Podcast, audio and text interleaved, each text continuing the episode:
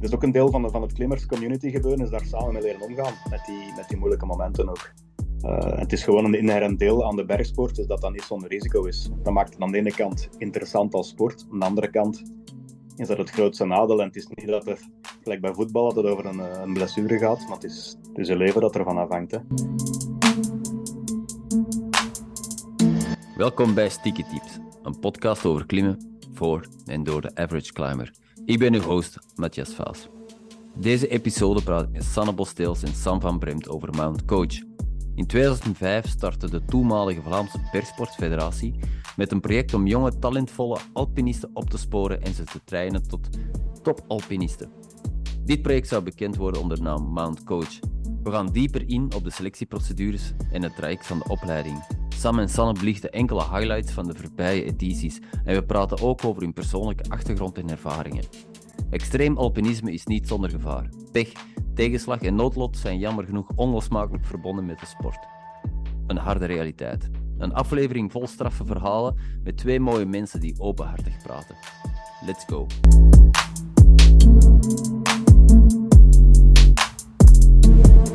Merci uh, om uh, alle twee tijd vrij te maken, is kei tof. Ja, jullie hebben elkaar nog onlangs uh, tegengekomen op een stage, zeker van mijn coach. Hè? Het is niet zo lang geleden. Twee weken? Uh, begin november, ja. Begin november, ja. oké. Okay. En daarna nog iets van skiën en of was het ervoor?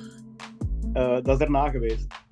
ah, je zegt ja, nog een short ski ertussen? Of, uh... De, deze maand was al waanzinnig eigenlijk.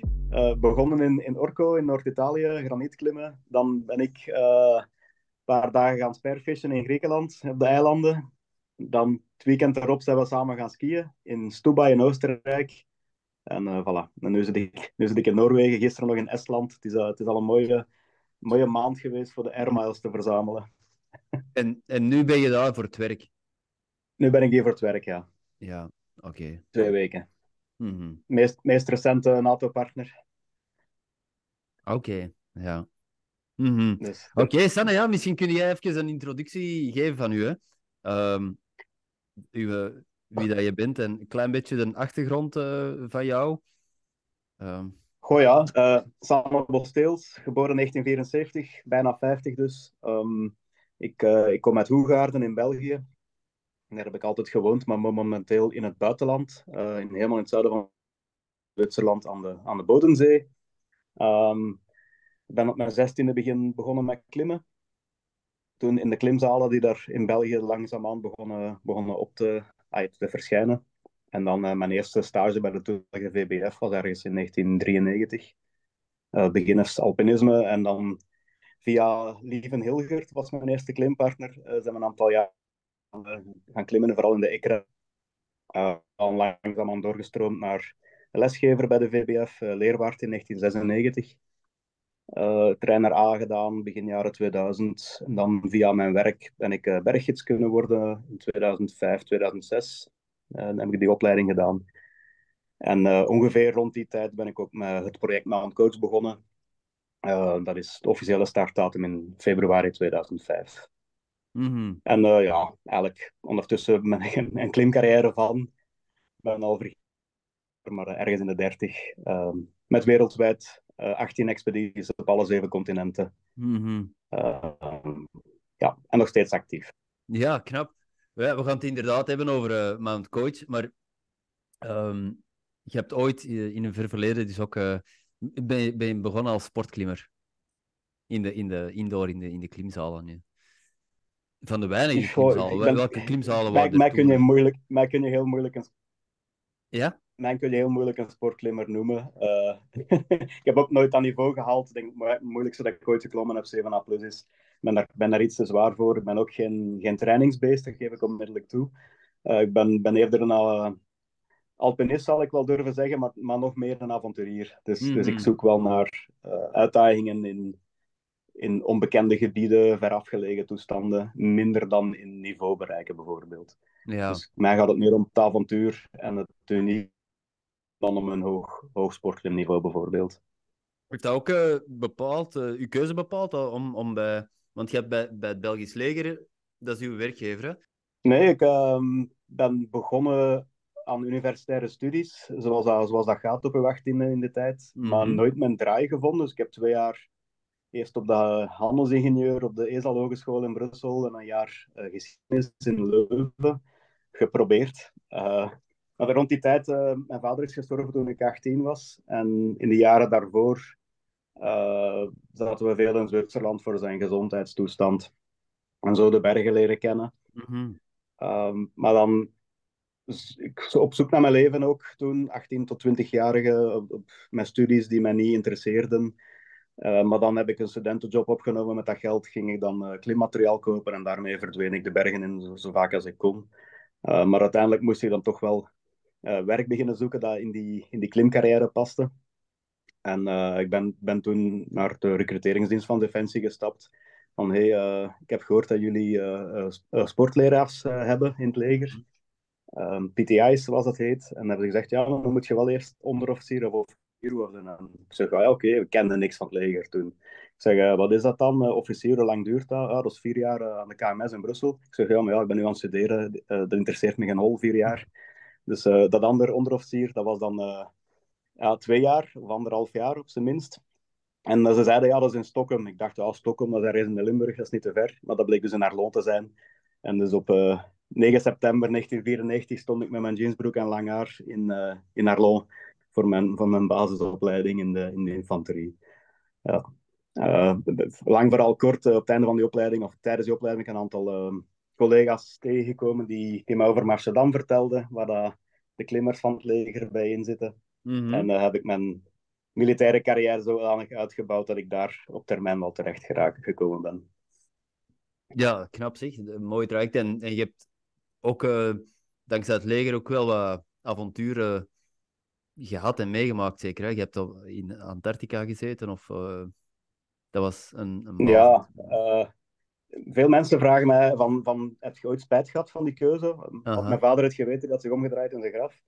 Um, maar, maar ik zou het onmiddellijk opnieuw doen. De, de ervaringen en de dingen die, heb, die heb ik mogen, heb mogen meemaken, die heb ik gezien heb, ja, die zijn wel uniek. Dat moet ik echt wel zeggen. Ja, mijn eerste ben, mijn eerste eenheid was, was één para op de Citadel in Diest. Uh, die bestaat ondertussen niet meer. En uh, ik denk, op het moment dat ik daartoe kwam, dat was onmiddellijk uh, van over heel Europa groot Turkije geweest. Um, ja, en, en de jaren 90, mensen kwamen juist uit Somalië en Rwanda. Mm -hmm. Ik dacht, ja, wij gaan ze dat niet iets meemaken, maar begin 97 stonden we toch ineens in Congo. Ik weet nog dat ik in de Vieux Campeur in Parijs stond en we waren op uh, On Call. Ik dacht, ja, ik ga toch naar het buitenland, interesseert me niet. Ja, ik moest skis gaan kopen. En ik kreeg daar, uh, niet, niet met de gsm, want dat bestond toch niet, maar zo'n uh, Scotty Beat Me Up, zo'n beeper. Was de, ja, binnenkomen. Ja, shit. Ik stond in Parijs. En... ik ben binnengereden en de volgende dag stonden wij in Congo. Dus ja, dat zijn wel avonturen. Als, als jonge twintiger, ik was toen 21. Um, ik, ik ben daaruit teruggekomen na een aantal weken in Afrika. Ik zei van, elke jonge gast moet, moet Afrika zien. En dan gaat nooit iemand klagen. Meer. Mm dus, uh, ja. En dan inderdaad Antarctica. Maar dat was pas veel later. Ik was toen al berggids. Um, het door Alain Hubert. En ze hadden mm -hmm. daar uh, gidsen voor nodig om, om die wetenschappelijke expedities te begeleiden.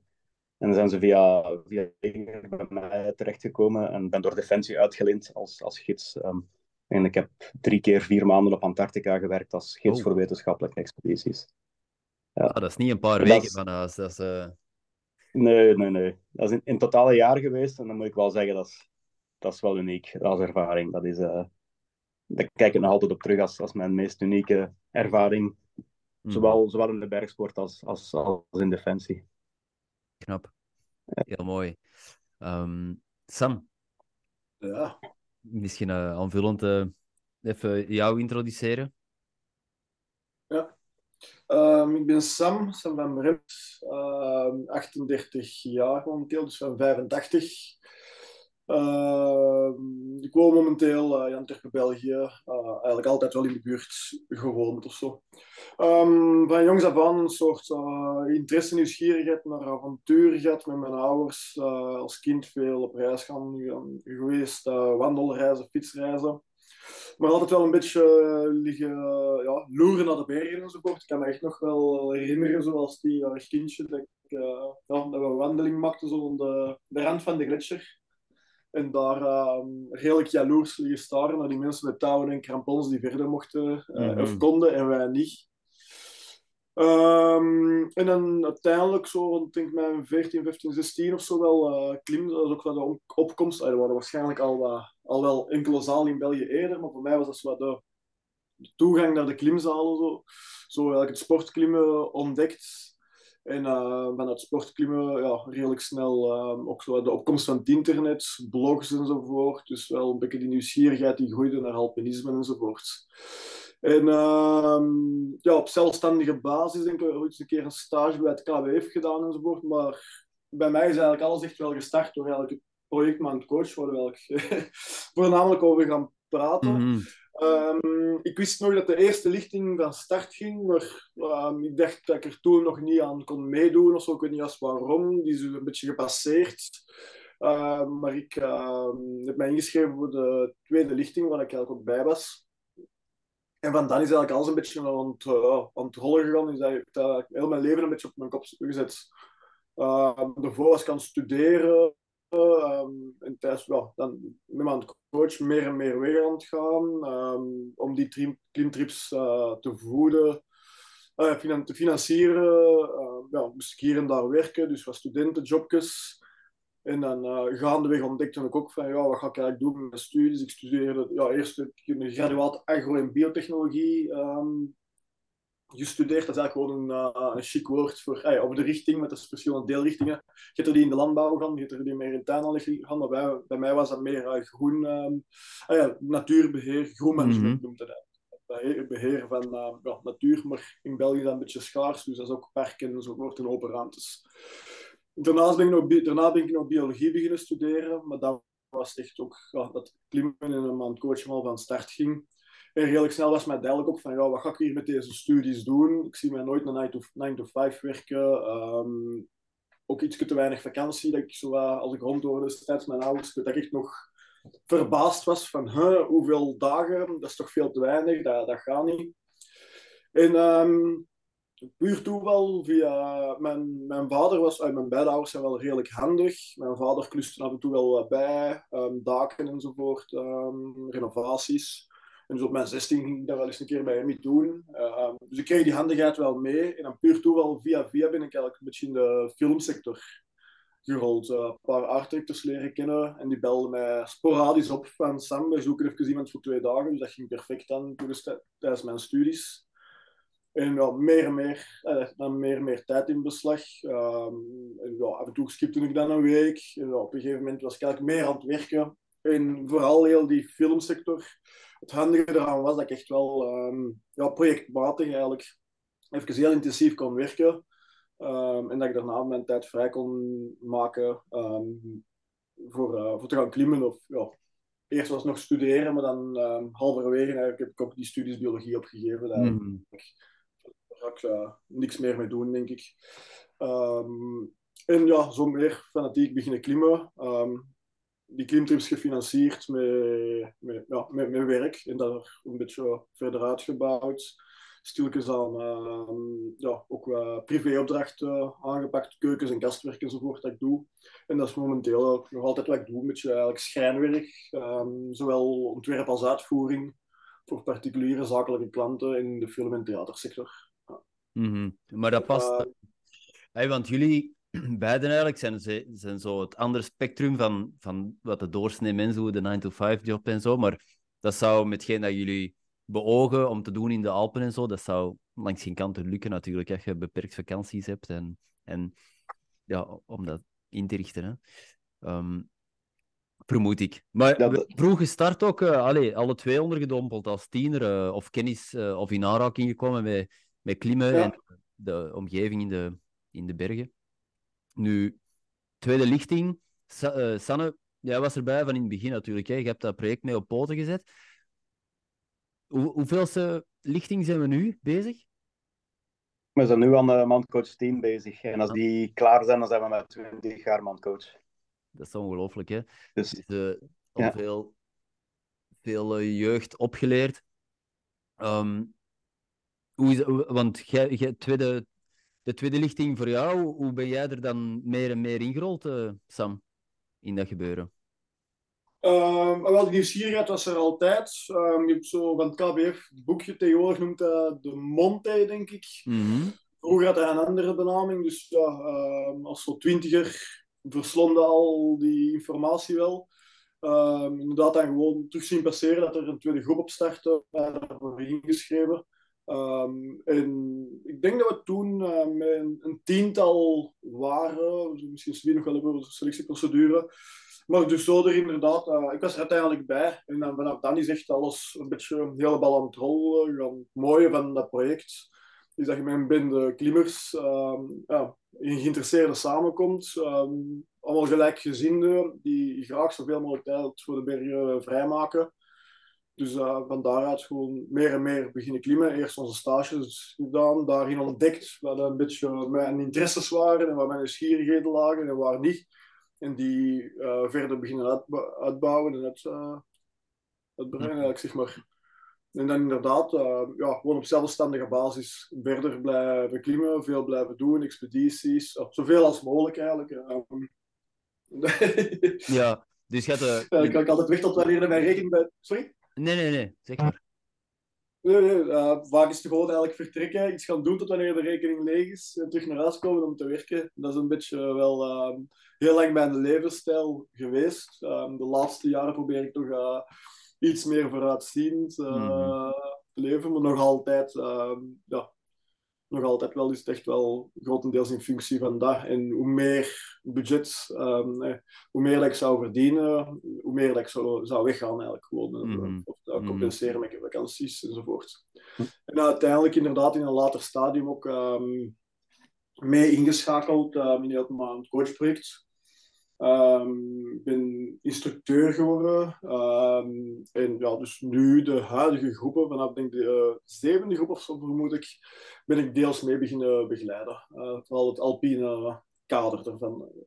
Ja, Sanne, eh, van, van waaruit is die mijn coach dat project ontstaan? Of, of um, zag je daar de noodzaak in? Om, was er vraag vanuit de, de jeugdige klimmers om, om dat te begeleiden of, of, of iets op te starten? Of um, hoe, is dat, hoe is dat gegroeid?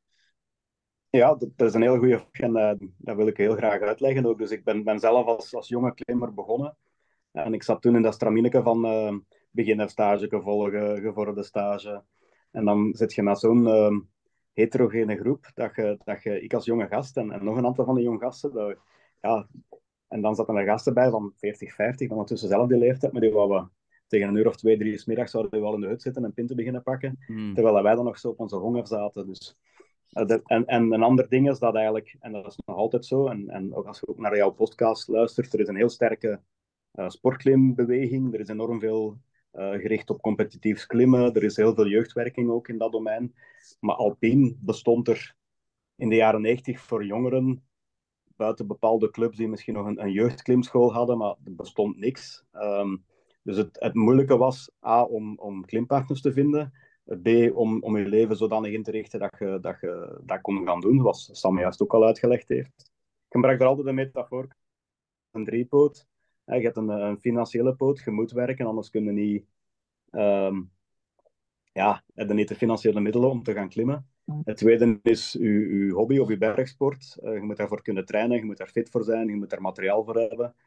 Um, en het derde is dan eventueel relaties. Uh, er zijn mensen die even goed kunnen gaan klimmen zonder een relatie, maar ik vind voor mij is dan altijd een even goed uh, pakket in het leven. Is dan uw, uw vrouw, uw echtgenote, uw vriendin of, of puur gezin uw klimpartner. Dat is, um, dat is ook onder het gedeel relatie te, te vinden. Um, en, en dat is dus iets waar, heel veel, waar ik als jonge gast mee, mee eh, struggelde. Ik heb dan het werk ervoor kunnen vinden. Ik ben dan ook van mijn hobby mijn werk kunnen gaan maken. Dus ik ben ja, uh, meer dan twintig jaar. En, uh, nee, twintig zal het niet aankomen, maar toch, toch 10, 15 jaar dat ik uh, puur als actief klimmer, dat was mijn beroep. Dus ik organiseerde alle klimtrainingen voor Defensie. zowel zomer als winter was skiën bij. Uh, heel die opleiding opgezet. Maar nu, man coach, en dat is dus begin jaren 2000, is dat gestart bij mij zo van, kijk, ik was toen al een allround alpinist, ik was alle seizoenen aan het klimmen, uh, zowel winter als zomer. En ik zei, als ik nu eens gewoon een bende gemotiveerde jonge gasten meepak en hetgeen wat ik al ken doorgeef, dan hebben die een, een snellere start en, en, en ja, dan krijgen die ineens versnelt alles mee waar ik nu al tien jaar op, uh, op aan het chicken ben om dat onder de knie te krijgen. Mm En het idee, de, het idee is samengegroeid met Jean-Pierre Ollevoet destijds. Die zag, die zag dat ik een beetje op zoek was van maar wat ga ik doen met mijn alpine kennis. Ik ben dus ook een keer de Elbrus gaan begeleiden of de Kilimanjaro. Want uiteindelijk is dat, is dat niks uh, wat ik graag deed. Oké, dat was Mhm. leuk, die reizen. Maar de mensen die daar mee gingen, die hadden een bepaald doel en dat was die een bergtop bereiken. Terwijl, ja, ik, ik deed zoveel andere dingen graag. En, en het idee is gekomen van, kijk, ja, mijn jaarprogramma, ik, ik, eh, ik neem vanaf nu gewoon een bende gemotiveerde jong gasten mee. En ik laat een, een selectietest doen, zodat ik weet van wat voor vlees dat we in de kuip hebben. En dan, daarmee zijn we van start gegaan. Mhm. Selectietest, ja, dat is interessant om, eh, om even over om door te gaan. Want bijvoorbeeld een gast zoals de Sam. Had jij, had jij op die moment al een, een, een zeker palmares opgebouwd voordat je je aanmeldde? Eh, bij mijn coach. Ja. Ehm, ik, ik had jaar ervoor een alpine stage gedaan met, bij, met KBF. Mhm. In het stal of zo, denk ik. Dus ik had inderdaad eh, twee ehm, sneeuwtopjes en zo gletsjer oversteken Ja. enzovoort gedaan. Maar voor de rest niks. Ehm, inderdaad, niks. Ehm, nu is dat ook niet een vereiste bij mijn coach. Dus als het dat op een selectiecriteria gaat, wordt ehm rotsklimniveau gevraagd rond eh 6A, wat eigenlijk echt niet hoog is. Ehm, zeker denk ik tegenwoordig ook, eh, ehm, als je begint met klimmen en even eh, Mhm. een half jaar of zo afhankelijk van, uh, zullen mensen dat sneller bereiken enzovoort. Maar 6A is echt voor iedereen, naar mijn dingen, heel makkelijk haalbaar. Als je erop focust. Daarnaast moet een conditietest afleggen.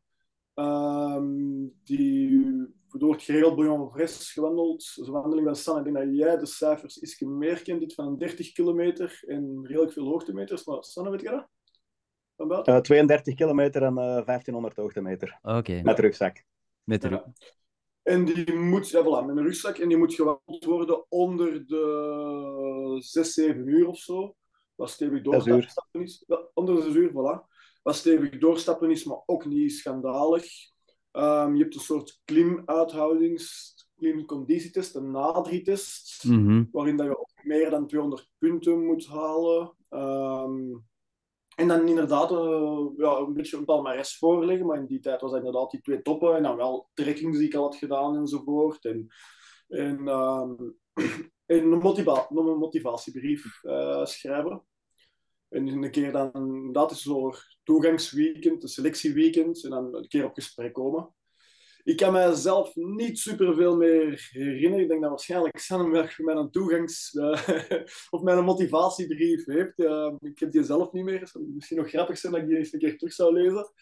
Ehm, ook van de, de klimproef enzovoort, de nadrietest. Ja, ik weet dat allemaal wel destijds. eh, ik weet wel, ik kan me nog herinneren dat dat spannend was enzovoort. Eh, dus eerst een soort nadrietest in een klimzaal, maar dan zag ik al wel direct, wij waren denk ik met een tiental, van oké, ik zit hier wel boven de 200 en ik zit hier duidelijk bij ja, de betere. Een klimtest eh, in Amsterdam toen, dat we hebben gedaan, eh, was ik ook door. En dan die wandeling, en dan merk ik wel, eh, dat was bij ons echt heel mooi. Ik denk dat er ook nog niet zo'n grote druk was. Ik denk dat het zelfs een beetje bij ons met de Bouillon wandeling al duidelijk was eigenlijk wie dat er... Met de Adrie waren er al een paar afgevallen. Mhm. Ehm, met de klimtest in Amsterdam waren er al een paar eh, minder goed. Dus het was denk ik tijdens Bouillon Vres al redelijk duidelijk. En dat was eigenlijk al, ik, ik heb dat altijd heel mooi gevonden. We, zijn eigenlijk al gewoon aan een stevig tempo als groepje beginnen doorwandelen. En ik weet zelfs dat we waarschijnlijk nog een beetje werden aangemoedigd door Sanne en Christophe, die destijds mee het project eigenlijk eh, samen als Sanne trok en GP ook mogelijk ook. Van, alleen maar, het is hier eh, hey, om te stellen te staan. Dat wij zoiets hadden van, maar als groep halen wij dit wel binnen de 6, 7 uur. Dus Mhm. we gaan hier niet competitief elkaar, eh, we gaan er een gezellige wandeling van maken of zo. Dus dat is voor mij destijds die ingangstest eh, geweest eigenlijk. En inderdaad, na de wandeling was het eigenlijk deze, met deze groep van zes gaan we verder. Ehm, en de, de andere vallen af.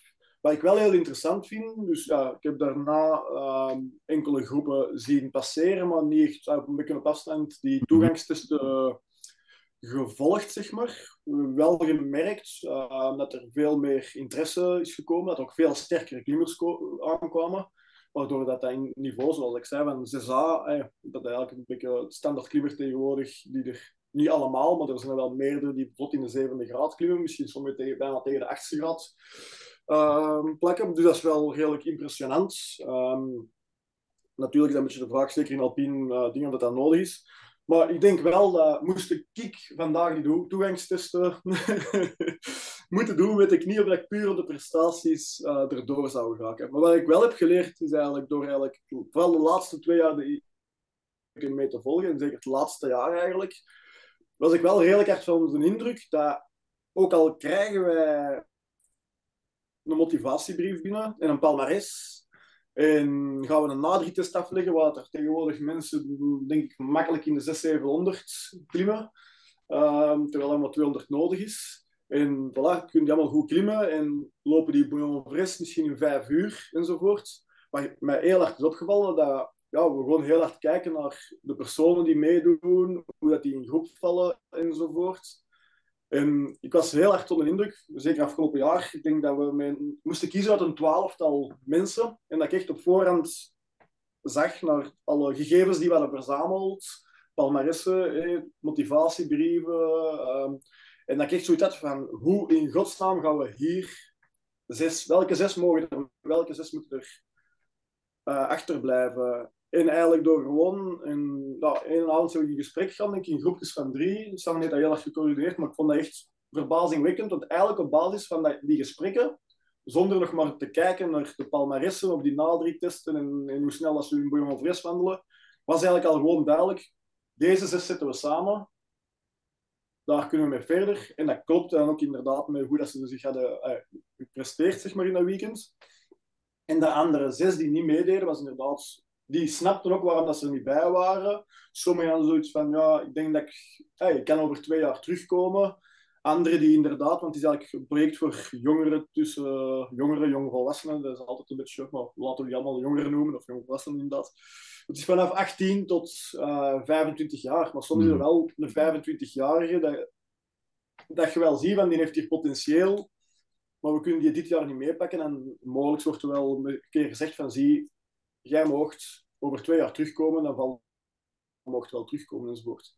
Maar dat was wel heel erg van een indruk eigenlijk, uh, hoe dat eigenlijk toch allemaal samenvalt. En dat ook al eerder die minimumcriteria van een deftig klimniveau en een conditie enzovoort, dat het vooral ook echt heel veel groepsdynamiek was en motivatie en, en al. En ja, dat was, een, dat was interessant om eigenlijk 20 jaar geleden bijna, of 18 jaar geleden, um, erin te zitten en nu eigenlijk te zien hoe dat uh, zich vanzelf ontplooide eigenlijk. Ja, ik denk dat Sanne er zo meteen wel een aanvulling op kan geven, maar het is interessant om te zien, want er zijn veel disciplines die jullie aanreiken. Hè? Dat is straatklimmen, alpine, multipitch, tourskiën, ijswatervalklimmen, expedities. En dan enkel zuiver en alleen afgaan op, op de sporttechnische vaardigheden en het klimniveau. Dat, dat zou inderdaad uh, niet een doorslaggevende factor moeten zijn, zeker. En dan denk ik dat eigenlijk meer psychologisch profiel uh, doorslag mhm. geeft, uh, waarschijnlijk. Om, uh, niet dat er een hoek af moet zijn bij, de, bij degene die misschien op een gezonde manier. Moet toch een beetje de motivatie hebben en, en inderdaad, zoals je zegt, groepsdynamiek. En ja, waarschijnlijk, uh, Sanne zal daar uh, wel kunnen op aanvullen, die doorzetting, en dat er de andere componenten die voor die, die andere disciplines gelden, die, die gaan misschien uh, meer doorslag geven. Ja, ik, uh, ik heb natuurlijk het voordeel dat ik vanuit mijn beroep. Um, ik heb ook een aantal jaar de, de opleiding paracommando of, of, special operations, of wat je dat ook wilt noemen. Ik ben daar wel mhm. mee. Uh, ik kende dat goed, dat proces van hoe dat je een, een bende mensen die er op het eerste zicht allemaal hetzelfde uitzien, hoe dat je die kunt beoordelen op karakter en, en uithoudingsvermogen. Um, en, en dat heb ik natuurlijk ook wel meegepakt in het, in het Man-Coach project. Dus die, die, al die proeven die we ze opleggen, dat is uiteindelijk maar iets om ze, om ze iets te laten doen. Mhm. Maar wat wij tijdens die, dat weekend en tijdens die nadri-test vooral naar kijken was van hoe zijn die mensen? Hoe reageren ze op tegenslagen of op... Uh, hoe reageren ze op als ze moe zijn? uiteindelijk dat is een van de beste criteria. Je maakt iemand goed moe, je laat die 30 kilometer wandelen. Uh, dan gaat je s'avonds uh, in, dat, in dat motivatiegesprek. Dat, dat duurt vrij lang. En dan morgens gaan ze nog eens gaan klimmen in Marchedam. Het is dan in februari, meestal rond, rond het vriespunt. Het kan dan eens regenen. Allee, en en dan, dan krijg je echt een goed beeld van hoe dat iemand is. zelfs al is dat een 18-jarige op dat moment. Dus die, en uiteindelijk, we hebben dan nog maar drie dagen om iemand te evalueren. En dan begint het traject pas. En uiteindelijk moet je dan denken van ja, ik ga nu de komende twee jaar met deze groep mensen van zes, uh, ga ik allemaal de vrije tijd doorbrengen. Dus. En die mensen ook. Dus dan is dat wel heel, allee, is eigenlijk essentieel dat je, dat je in groep uh, kunt werken. Dat je geen mhm. individualist bent of, of dat je niet daar bent om de sterkste of de beste van die groep te zijn, want dat is absoluut niet de bedoeling. Mm Gebeurt dat, of is dat al gebeurd? Uh, want zes man, van, van de hoeveel aanmeldingen zijn er meestal die... Goh, tussen, tussen de 12 en de 18, dat is ja. het gemiddelde dat zich aanbiedt. Ja. ja. En je hebt die selectiedagen, die, die drie dagen, gebeurt dat, dat er, dat er afvallen tijdens of na bepaalde stages, of als ze bepaalde disciplines gedaan hebben, en dan zeggen van, oeh, dat is toch niks uh, voor mij, of wat, wanneer wat ook al gebeurd is. Mm -hmm. Wat er ook al gebeurd is, is dat er maar uh, vier of vijf konden beginnen. Dus dat we niet het is niet omdat er zes plaatsen zijn dat, je, dat we ook eender wie dan nog die plaatsen laten opvullen. Oké. Dus mm Er wordt echt wel naar gekeken. En uh, dat is natuurlijk wel een nadeel. Hè. Uiteindelijk, meestal zijn we met vijf, vijf minimum doorgegaan. Uh, dat er dan ene niet, niet door was. Maar dat ook al gebeurd is dat er in de eerste, het eerste halve seizoen eigenlijk, in het voorjaar, want het begint met een, uh, we beginnen met een skistage. Er zijn nog die dan moeten leren skiën. Hè. Dus het jaar daarop gaan we gaan toeskiën. Sam bijvoorbeeld heeft leren skiën bij mijn coach. Is echt, ja. En dan, en dan de eerstvolgende stage is al kalk klimmen in prel, meestal in een verkoor. Ja. En dan daar wordt heel veel druk op die stage gelegd. Dus we werken met een systeem gids vandaag. Dus je moet alles voorbereiden, van op de camping tot aan een instijg, heel de route voorklimmen met één of twee naklimmers. de afdaling vinden, de rappel leiden en terug naar beneden. Dus iedereen moet dat één keer doen in die eerste stage. En zo gaan, in al die stages gebeurt dat. Maar je kunt je dat wel voorstellen, iemand die... Ik, ik heb er al daar mentaal zien kraken en dan, dan was het ook een exit, een exit momentje. En uh, dat exit momentje is gebeurd. Ondertussen ben ik vegetariër, maar vroeger op de terugweg naar België uh, stopten we in de Buffalo Grill. Langs de snelweg in Frankrijk. En uh, daar heb ik eens iemand in de eerste groep al uh, gestuurd. Hij gezegd van, het, is, het stopt hier voor u. En dat, het, het, Buffalo Grill moment, dat gaat twintig jaar later nog altijd mee. Van, van zit dat je niet in een Buffalo Grill buiten gesneden wordt. We gaan al lang niet meer naar de Buffalo Grill, maar het wordt daar nog altijd mee geassocieerd. Moest je er een van de volgende keren stoppen, dan weet uh, iemand van de groep hoe laat dat is. Ja. ja. maar, dus, uh, zoals hey Sam, jij, jij hebt leren skiën uh, tijdens een van die stages, of de eerste stage met Mount Kochan. Ik veronderstel ja. niet dat dat op de piste was dan. Um, de eerste twee dagen wel, ja. De ah, eerste ja. twee dagen wel. Uh, de, de basisdingen. Ik had een beetje bij ons in de geluk, uh, het geluk dat wij drie goede skiers in de groep hadden. Twee middelmatige en ik, uh, ik had nog nooit geskiet. Dat straf, en uh, Joris en Robin, dat waren twee middelmatige. En ik denk dat die allebei een beetje bluften van ja, maar wij kunnen wel skiën. Dus er was redelijk snel gezegd van ah, ja, maar we zitten hier met vijf die kunnen skiën en één iemand niet. Dus ik heb toen gewoon privéles uh, gekregen, wat mij denk ik heel hard heeft geholpen. Ik moest Joris en uh, Robin, ook had ik gezegd van wij kunnen niet zo goed skiën, dan hadden we misschien die privéles al moeten delen. Dus ik heb daar wel geluk in gehad. Maar inderdaad, sowieso met mijn coach, het is wel jaar nadien uh, te gaan tourskiën. De, de ski-stage is ook in Chamonix, waar je eigenlijk heel veel buitenpiste hebt. Um, de Vallée Blanche dat je kan afskiën, waar we ook echt wel, dat met iedere groep wordt gedaan. Dat ook wel even voor zeker, oh, die, diegenen die eerste keer 30 in de bergen zijn, dat zal bij mij destijds ook echt wel geweest zijn. Is dat wel impressionant om even die, die gletsjer af te skiën en al die bekende bergen en um, ijslijnen enzovoort uh, te zien liggen. Uh, dat is zeker dat. Maar dus redelijk snel werd ook wel toegelicht op het, uh, ja, op het buitenpiste skiën enzovoort. Mm -hmm. en eigenlijk ook, je heb ik daarna heel veel buitenpist geskiet enzovoort. En ik ben ook eigenlijk nog maar de laatste drie, vier jaar een beetje terug beginnen koppelen van aan mijn basistechniek te werken op een piste enzovoort. Maar inderdaad, ik heb eigenlijk echt wel buiten de piste voornamelijk leren fouten uiteindelijk ook wel. Ehm, maar inderdaad, dat was... Uh, ja. Mhm. En we hebben nu twee stages aangehaald, maar hoe dat die twee jaar eruit zien? Short Break. Sticky Tips podcast is supported by Maker of Beast. Als coach heb ik al vele klimmers begeleid. Heb je het gevoel dat je vastzit op een bepaald niveau? Heb je een klimtrip gepland en wil je optimaal voorbereiden? Misschien is het moment wel daar om samen te werken met de coach. Stap 1 is actie ondernemen. Stap 2 is nagaan hoe ik je kan helpen. Meer details op coachmatti.be. Je kan contact opnemen via de website of via de socials. En terug naar de show.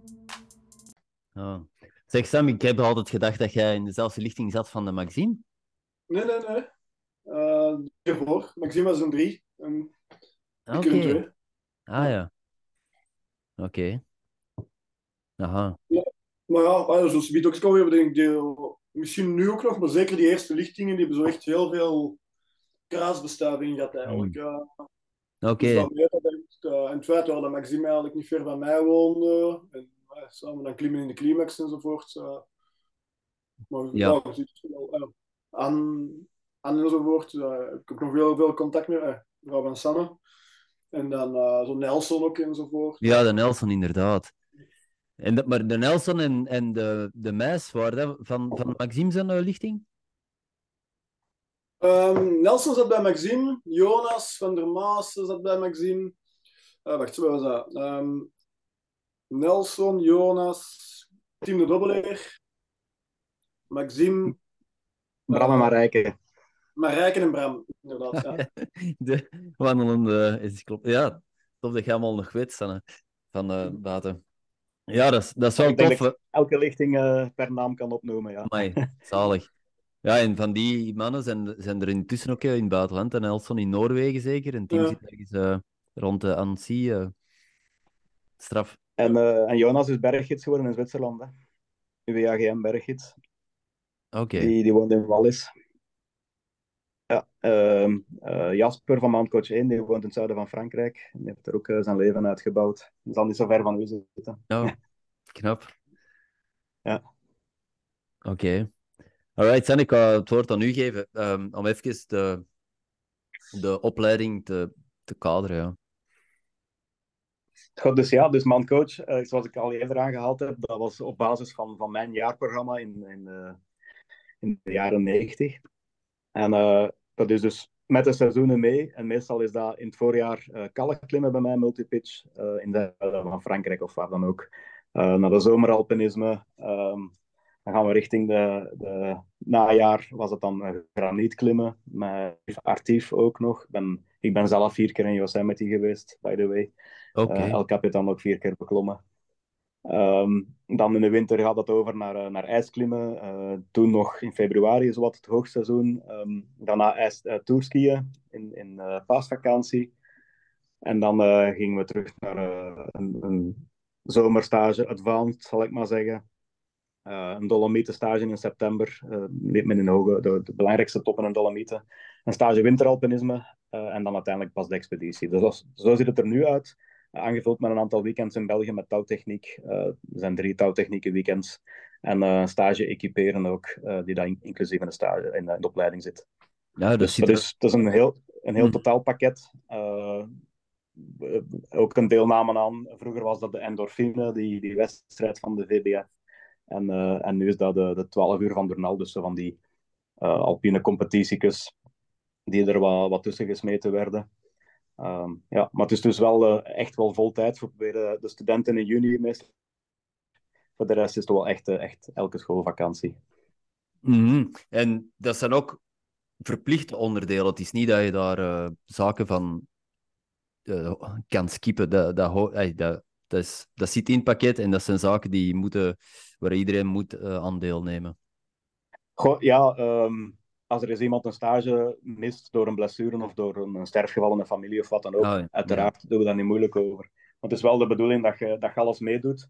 En er is tegenwoordig ook uh, sinds een aantal jaar, uh, sinds drie lichtingen denk ik, een, het, het Mount Coach, Mount Coach engagement. Um, waarbij dat ze een papier moeten ondertekenen dat ze zich later ook engageren voor activiteiten bij de KBF, zoals lesgever worden of uh, mee in het Belgian Revolting Team gaan werken, of in je club, weet ik veel wat voor dingen op je nemen, een klimschool of zo. Dus dat ze actief betrokken worden bij, bij KBF-activiteiten of bij clubactiviteiten. Ja, om een deel en, wat we nu, wat we nu zien is dat er... Ja, wat we nu zien is dat er uh, van de huidige lichting instructors alpine climbing, dus de, de leerwarten van vroeger, dat daar heel veel ex-man coaches in zitten, waaronder Sam en, en Anne, uh, mijn echtgenote trouwens, die, hmm. Die, die mee les komen geven in mancoach. En dat is goed, want ik word een jaartje ouder en kunt niet alles blijven doen. Uh, en, en wie is er beter dan Sam om uh, uit te beklimmen? Om, om dat laatste heb ik gemist. Beter dan? Sam, ja, wie, is, wie, wie is er beter dan de Sam om, uh, om de Noordwand te, te leren beklimmen? Hè? Dus, uh, om ja. dat, pure, dat pure alpinisme over te geven of door te geven aan de jeugd. Is dat, is dat zo, Sam? Is dat daar waar uw, uw voorliefde ligt? Uh, ja, sneeuw en ijs toch wel. Dat was bij ons redelijk snel. Um, je ziet dat ook een beetje misschien afhankelijk van de lichtingen en de interesses enzovoort. Maar tijdens onze eerste alpine stage, we kregen toen uh, van Jean-Pierre Holvoets, GP. En die moest vroeger door, dus onze stage stopte een dag of zo vroeger door een overlijden daar in de familie of zo, kunnen we juist. En ik weet wel, wel jammer, wat, wat gaat er hier... het is hier nog niet gedaan, we zijn hier voor een week, enzovoort. En hij gaf wel aan van, jullie met jullie kunnen, jullie kunnen, we waren in Chamonix toen de Goulotte uh, beklimmen wat op zich een redelijk een, ja, eenvoudige gelot is. Dat is nog um, ja, tegenwoordig in juli zijn uh, zeldzaamheid, maar uh, dat is nu al bijna 18 jaar geleden of zo, denk ik. Dus um, toen waren de condities in juni, juli nog goed om ook nog ijs te klimmen. En dan zijn wij inderdaad een beetje met onze twee bijlen. Dat is op een moment dat je dat nog allemaal heel impressionant in cool vindt en zo, zo twee ijsbijlen vast uh, mee te pakken. Uh, zijn wij de grote gaan klimmen. En eigenlijk was ik, Jannik, Koen en. En wij vonden dat met vier. Denk ik, Doris was ook niet bij om een van de reden. Uh, zo fantastisch. En dan is direct die liefde voor golotte, uh, ja, wij die direct ontdekt enzovoort. En ik denk, ja, wij hebben ons heel hard op toegelegd. En dan zeker ook was er al uh, een beetje... Ja, toen waren we nog maar met twee groepen. Dus er was al een zekere kruisbestuiving met de eerste groep, met Anne, Stijn en zo destijds nog, Hans uh, en Jasper. En dan zeker als de derde groep erbij kwam, met Maxime, Nelson, Bram, heb ik er juist even opgezond, uh, Marijke en Jonas. Ja, je merkte wel dat wij allemaal zo heel hongerig waren naar die ja, grote ijslijnen. Um, en dan inderdaad, ja, dan is de stap naar meer noordwanden enzovoort um, wel gelegd. En ik denk ook, hetgeen wat misschien Sanne ook in het begin ergens aanhaalde van eh, van, eh, dat ze zei van, niet de, bouw van een sportklimmer. Ik heb dat even min. Ik ben ook redelijk uh, zwaar, iets zwaarder gebouwd enzovoort. Um, en ik merk wel ja, dat mijn lichaam gemaakt is voor lange dagen met weinig eten, afzien, kou. Um, dat ik er ja, goed tegen bestand ga en dat mm -hmm. zeg maar, mijn, ja, mijn uithouding daar echt heel hard op is afgestemd enzovoort. Ook met mijn werk dan, waarin dat ik ook wel makkelijk dagen van 12 uur werk, uh, soms wel langer zelfs. Um, dat zorgde er allemaal wel voor. Van, en dat ik ja, merkte van, ja, deze is mijn ding en ik moet ook niet veel erbuiten trainen of onderhouden om toch stevige dingen te, te kunnen doen enzovoort. Terwijl dat jij misschien in, in, in, klimmen enzovoort um, veel meer zou moeten doen en veel meer s'avonds nog in, en dan, dan lang een dag werken nog in, in de klimzaal moet geraken om, uh, om dat op een deftig niveau te kunnen, merkte ik dat ik eigenlijk met heel weinig middelen toch op een deftig niveau alpine dingen kon doen enzovoort. Misschien ook ergens jammer dat ik nooit echt heb geprobeerd om dat serieus te nemen om te zien dat als ik eens een keer specifiek trainde, wat er dan uitkwam, uh, mm. dat ook, uh, dat eigenlijk wel een beetje een laksheid en een luiheid of zo. En, voilà, met, met, weinig training kan ik hier al, well, zoek ik wat met het meeste gelicht is enzovoort. Dus dat is ook wel dingen, en ook, ah, zoals Stan het aanhaalt, van het engagement, dat er nu ook uh, coaches uh, aangaan van in de toekomst wil wel instructeur worden. Dat is voor mij ook echt op een gegeven moment een beetje de klik gemaakt. Want als ik vroeger in de bergen was, ja, was dat echt voor mijn eigen. Ehm, als ik een gids met klanten zag, uh, had ik bijna medelijden met die gids. Um, van, ja, ik snapte dat niet. Uh, mm dat was, um, nou, ik, ik, zag mijn eigen niet zo in de berg gaan enzovoort. Maar ik merkte dan wel, ja, door zelf wel die ervaring op te doen enzovoort, je hebt alle ervaring van de boekjes die je mee kunt geven in stages en welke knopen dat je moet leggen en welke reddingstechnieken en, en hoe je een ijsvijs moet draaien.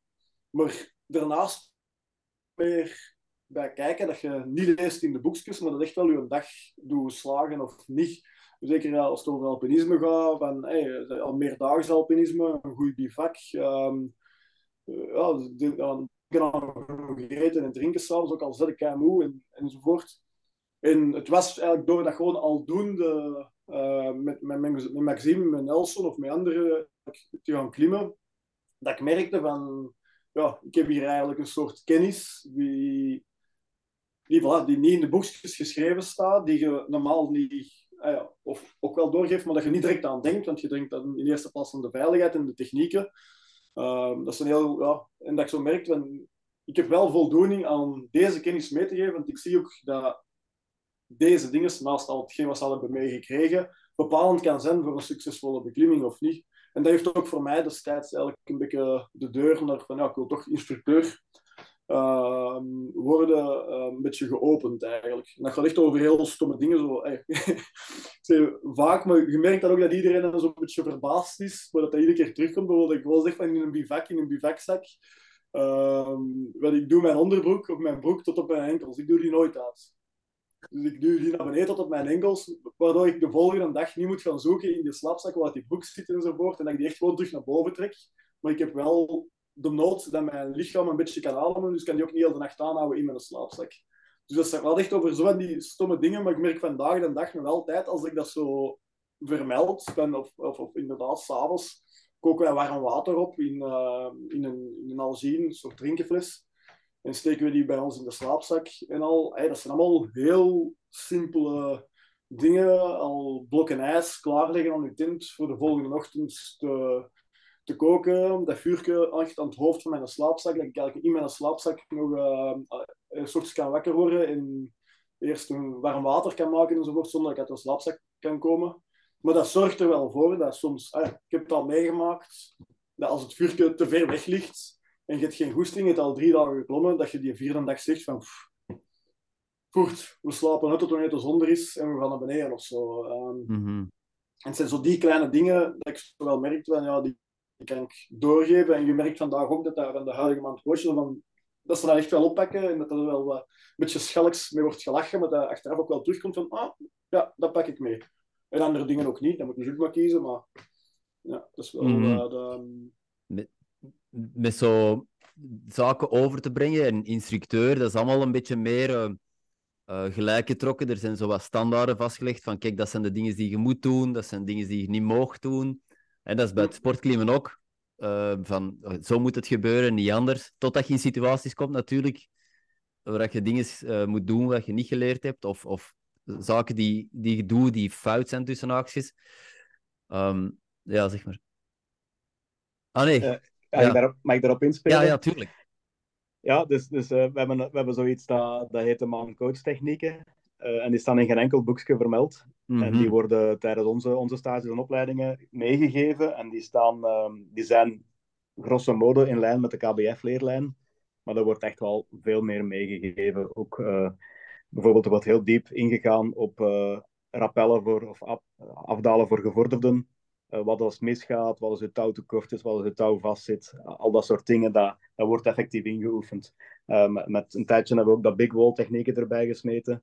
Uh, daar leert je ook enorm veel van. We hebben specifieke reddingstechnieken die, die vrij bijzonder zijn, die ook wel standaard geworden zijn in de KBF. Maar dat komt ook wel grotendeels vanuit mancoach. En, en wat dat in mancoach steekt, komt ook vanuit mijn vroeger werk in Amsterdam. Wat dat we dagdagelijks met touwtechnieken uitvinden. Dus ja, mm -hmm. en, en mancoach is heel hard uh, toegespitst op specifieke technieken die snelheid en veiligheid verhogen in, in moeilijke alpine omgevingen. Ah, wel, dat zijn zaken die... Dat zijn de waardevolle zaken, denk ik. En uh, Alexander had het in zijn laatste podcast, uh, Climbing Gold, er ook nog over. Van kijk, het is goed dat je alles weet vanuit de boekjes en de standaard. En dan speelt je ervaring en dan kun je, kun je afwijken. En het is niet omgekeerd, het is niet goed natuurlijk. Hè. Je moet de basis wel hebben, maar veelal is de praktijk improviseren of, of op een heel andere manier werken dan dat het uh, um, voor, ja. uh, voorgeschoteld wordt. Nu, hè, zoals die Nalgene, dat is interessant natuurlijk. Dat is, dat, is, dat is goed dat je, dat, dat je die zaken leert. Hè, dat je, dat je s morgens niet met een bevroren blok uh, aan de slag moet of zo. Zijn er, zijn er wel zo van die zaken, Sam of Sanne, die, die jullie proefondervindelijk gevonden hebben? Van, oh, oké, had ik dan maar op voorhand geweten of zo. Ja, absoluut. Voor mij op zijn minst, ik denk mijn eerste expeditie in, in, in, Alaska was in 2003. En hebben we de Mount, Mount McKinley of Denali beklommen. En dat was de min 40 s morgens in de tent. En dan leert, dan leert je dingen. Hè. Dat is, dat, dat is, uit die expedities hebben we zoveel, zoveel dingen meegepakt. Die dan ook achteraf weer een man coach gestoken zijn. En Sam heeft zeker ook met, met, zijn dingen ook in Alaska duizend ijskoude dingen gedaan. Dat zijn allemaal van die details die dat u je leven redden. Niet 100%, maar wel zeker veel aangenamer maken. En misschien ook wel op de, op de lange termijn. Mm Dus uh, ja, er zijn, er zijn wel wat voorbeelden van. We kunnen een hele podcast mee vullen waarschijnlijk. Uh, maar, maar die Nalgene, of de, de, de, ja, de, de warmtefles, ik heb er een mooi woord voor. Uh, ik weet niet.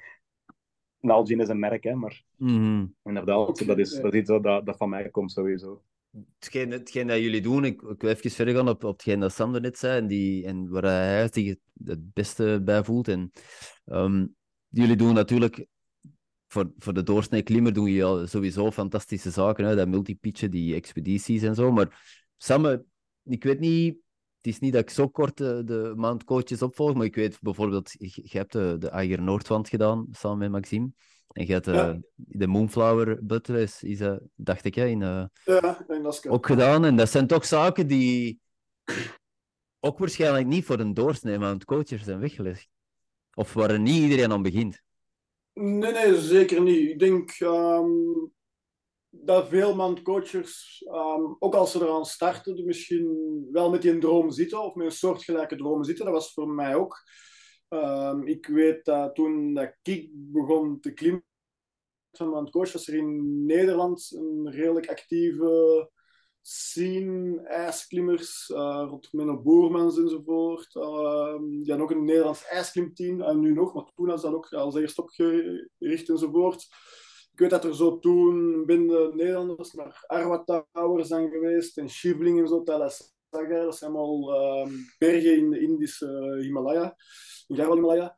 Um, ja, dat waren voor mij wel direct, samen met de eigen Noordwend en de Juras. Ook um, als je met mijn coach de Vallée Blanche afskiet, dan zie je super cool liggen enzovoort. Mm. Dus dat, dat, was allemaal direct.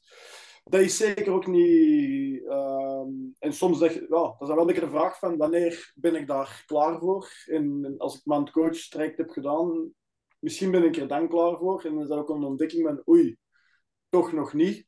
En dat groeit uh, gradueel. Um, ik weet dat ik er ooit eens een keer mee met een gesprek over had ook. Dat hij zei van, ja, maar eigen Noordwand, die moeilijkheden op zich zijn niet moeilijk. Hey, dat, is allemaal niet zo moeilijk. Maar het is wel lengte, bivakmateriaal. Je kunt niet terugkeren enzovoort. En hey, ik weet dat ik toen met hem zoiets zei van, maar ze ooit al een keer in een route moeten terugkeren. Uh, ah nee, zeg ja. Um, hey, of ooit al eens een keer zelf een berg af. Ja, enzovoort.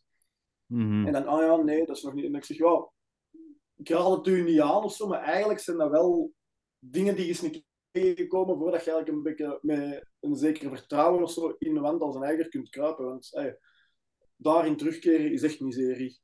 En dat zijn ook dingen die gaandeweg zijn gebeurd. We hebben grote geklommen waar dat de rappel, de, de les geïnstalleerd zijn. En die je dan terug kunt afrappellen. Gaandeweg zijn we bergen binnen klimmen, dat je aan de andere kant je afdaling moet zoeken, dat je niet gewoon kunt terugkeren. En dan loopt er eens een keer iets fout, eh, niks ernstig, maar uh, je raakt door lengte niet door enzovoort en je moet terugkeren. En, oh, ik weet dat ik zo, denk ik, ja, 200 meter van die Noordwand, 200 meter van een top of zo, zijn we s'avonds teruggekeerd omdat we dachten, we, halen de laatste bak niet gaan we nog door of niet? Ah nee, we keren wel terug. Dus ik heb weer Midi, uh, Guide Midi Noordwand afgerappeld. De Noord hebben we ook eens een keer, denk ik, 200 meter onder een top teruggekeerd. Dus ja, dat zijn mislukkingen of zo. Maar moet, we moeten wel aan toegeven, aan toegeven dat je er eigenlijk heel veel uit leert. Ja. Mm Dus het is daar allemaal... En dan daarnaast volgde wel een beetje ja, tegenwoordig Instagram en toen ook al wel en de blogs enzovoort. Dus je, ziet wel, je komt ook andere klimmers tegen op routes. Je kunt je wel een beetje vergelijken. Dus op een gegeven moment begin wel zo door te hebben van ja, maar die en die en die klimmers die in Chamonix wonen, die hebben die wand gedaan. Je wilt er eens een keer naar. Ah ja, maar de week daarvoor hebben die die wand gedaan. En ik kon dat ook al doen. Hoe, hoe moeilijk was dat? Um, enzovoort. Dus zo is dat inderdaad gegroeid. Uh, dan samen met Maxime. Maxime kwam uit een derde maand coachgroep. Wij zijn allebei van Antwerpen en omstreken. Wij klommen dan vaak samen in de climax. En er was, ja, zeker toen nog was ik, um, ja, nu terug, maar toen was ik ook nog heel betrokken bij, bij het Mount Coach project en die lichtingen. Dus als als die met mijn coach stage gingen, um, bijvoorbeeld een skistage enzovoort, in, in de Alpen, of uh, ik weet dat ik ook nog volgens mij in, um, in Val di Mello of zo, klimstage, um, barsten klimmen enzovoort, klimmen, dat ik daar wel gewoon meekwam. Dus zo magazine beter leren kennen en dan samen ook echt de Alpine ontdekt. En dan inderdaad, we daarvoor wel veel dingen. En dat is altijd zo'n beetje, van, een beetje langer, een beetje moeilijker. Ah, we hebben nu dat gedaan. Oké, dan kunnen we misschien dat ook wel doen. En nu moeten we dat eens een keer proberen. En soms, ja, meestal lukt het, dat moet ik ook wel toegeven. Er zijn veel dingen gelukt. Ik ben niet zo vaak moeten terugkeren. Um, maar en toen lukte dat ook niet. En dan leerde ook weer iets uit. En dan met Maxime inderdaad het idee gehad um, om naar Alaska te gaan. Uh, Tower, um, Buttress op Mount Hunter te klimmen. Wat echt wel een, ja, bekend staan als een redelijk stevige uh, ijsroute, ijsmixed. Um, ik denk in totaal ongeveer ook een, een wand van 1800 meter, een stuk of 60, 70 lengtes. Als je ze echt allemaal per lengte zou uittellen, je wat makkelijker sneeuwvelden in enzovoort. Dus was voor ons ook wel, denk ik, hoog gegrepen, maar je ziet wel van ja, de stijlste lengtes. Er zijn een paar lengtes 90 graden, een paar overhangende stappen. Ah ja, maar daar hebben we ook al overhangende stukken gedaan in ijs. Dat moet wel gaan of zo. Het was een grote gok. En ter voorbereiding van, ah ja, ik heb maar gezien we, uh, we, waren sowieso in die tijd, tegenwoordig klimmen we niet meer zo zien we elkaar niet meer zoveel, klimmen niet zoveel samen, maar wij zijn denk ik naadloos ook door heel aan het coach gebeuren en al die technieken die allemaal op elkaar afgestemd zijn. Maar toen zeker waren we echt goed op elkaar afgestemd. Um, en daarom dat we zoiets hadden van, ja, um, hoor dat er eigenlijk een van 10 conditie lag. Dat moet ik ook wel toegeven. Ik heb veel mooie dingen geklommen, maar ik was ook wel iemand die wel een beetje zijn momentum koos om, eh, zijn moment koos om een bepaalde berg te klimmen. Ik, eh, ik ging niet Alpen, naar de Alpen van ik die berg klimmen. Het was wel van oké, okay, wat ligt er momenteel in conditie, wat is er haalbaar?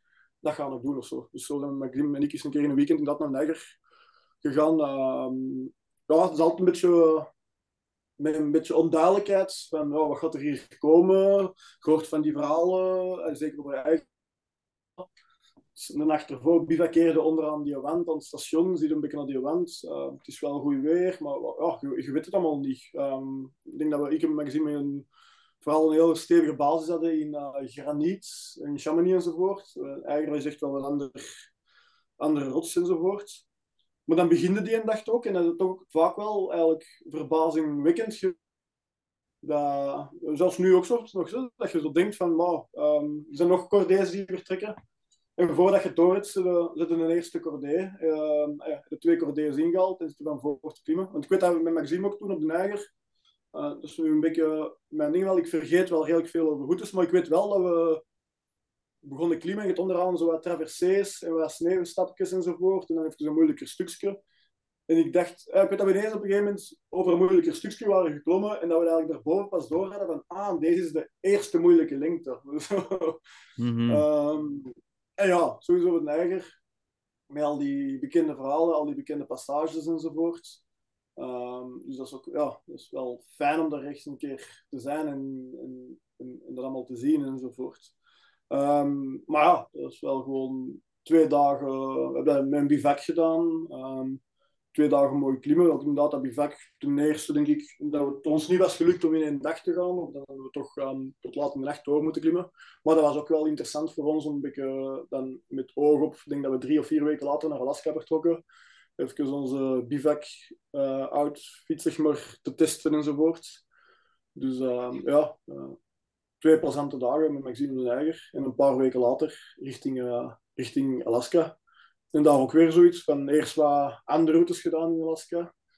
Um, wordt er gedropt met een vliegtuig, op een gletsjer. Um, onderaan een camp onderaan die Moonflower. Er zijn ook een paar andere klimmers die er wel oog op hebben. Je hebt een beetje bagage van andere klimmers die de jaren daarvoor die route gedaan hebben. Bepaalde tips en trucs. En, en daar zou ik wel slapen en daar niet enzovoort. En dan eerst een paar andere routes, kleine routes gedaan. En dan op een gegeven moment echt zo, denk een week of twee weken in, in het gebergte. Een grote blok van vier, vijf dagen goed weer.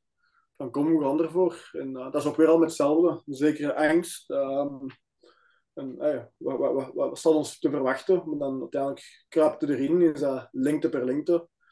Um, ja, mm -hmm. afwerken, zeg maar. Uh, we, we hebben er vier dagen in gezeten. Drie dagen denk ik in de wand en vierde dag over een top.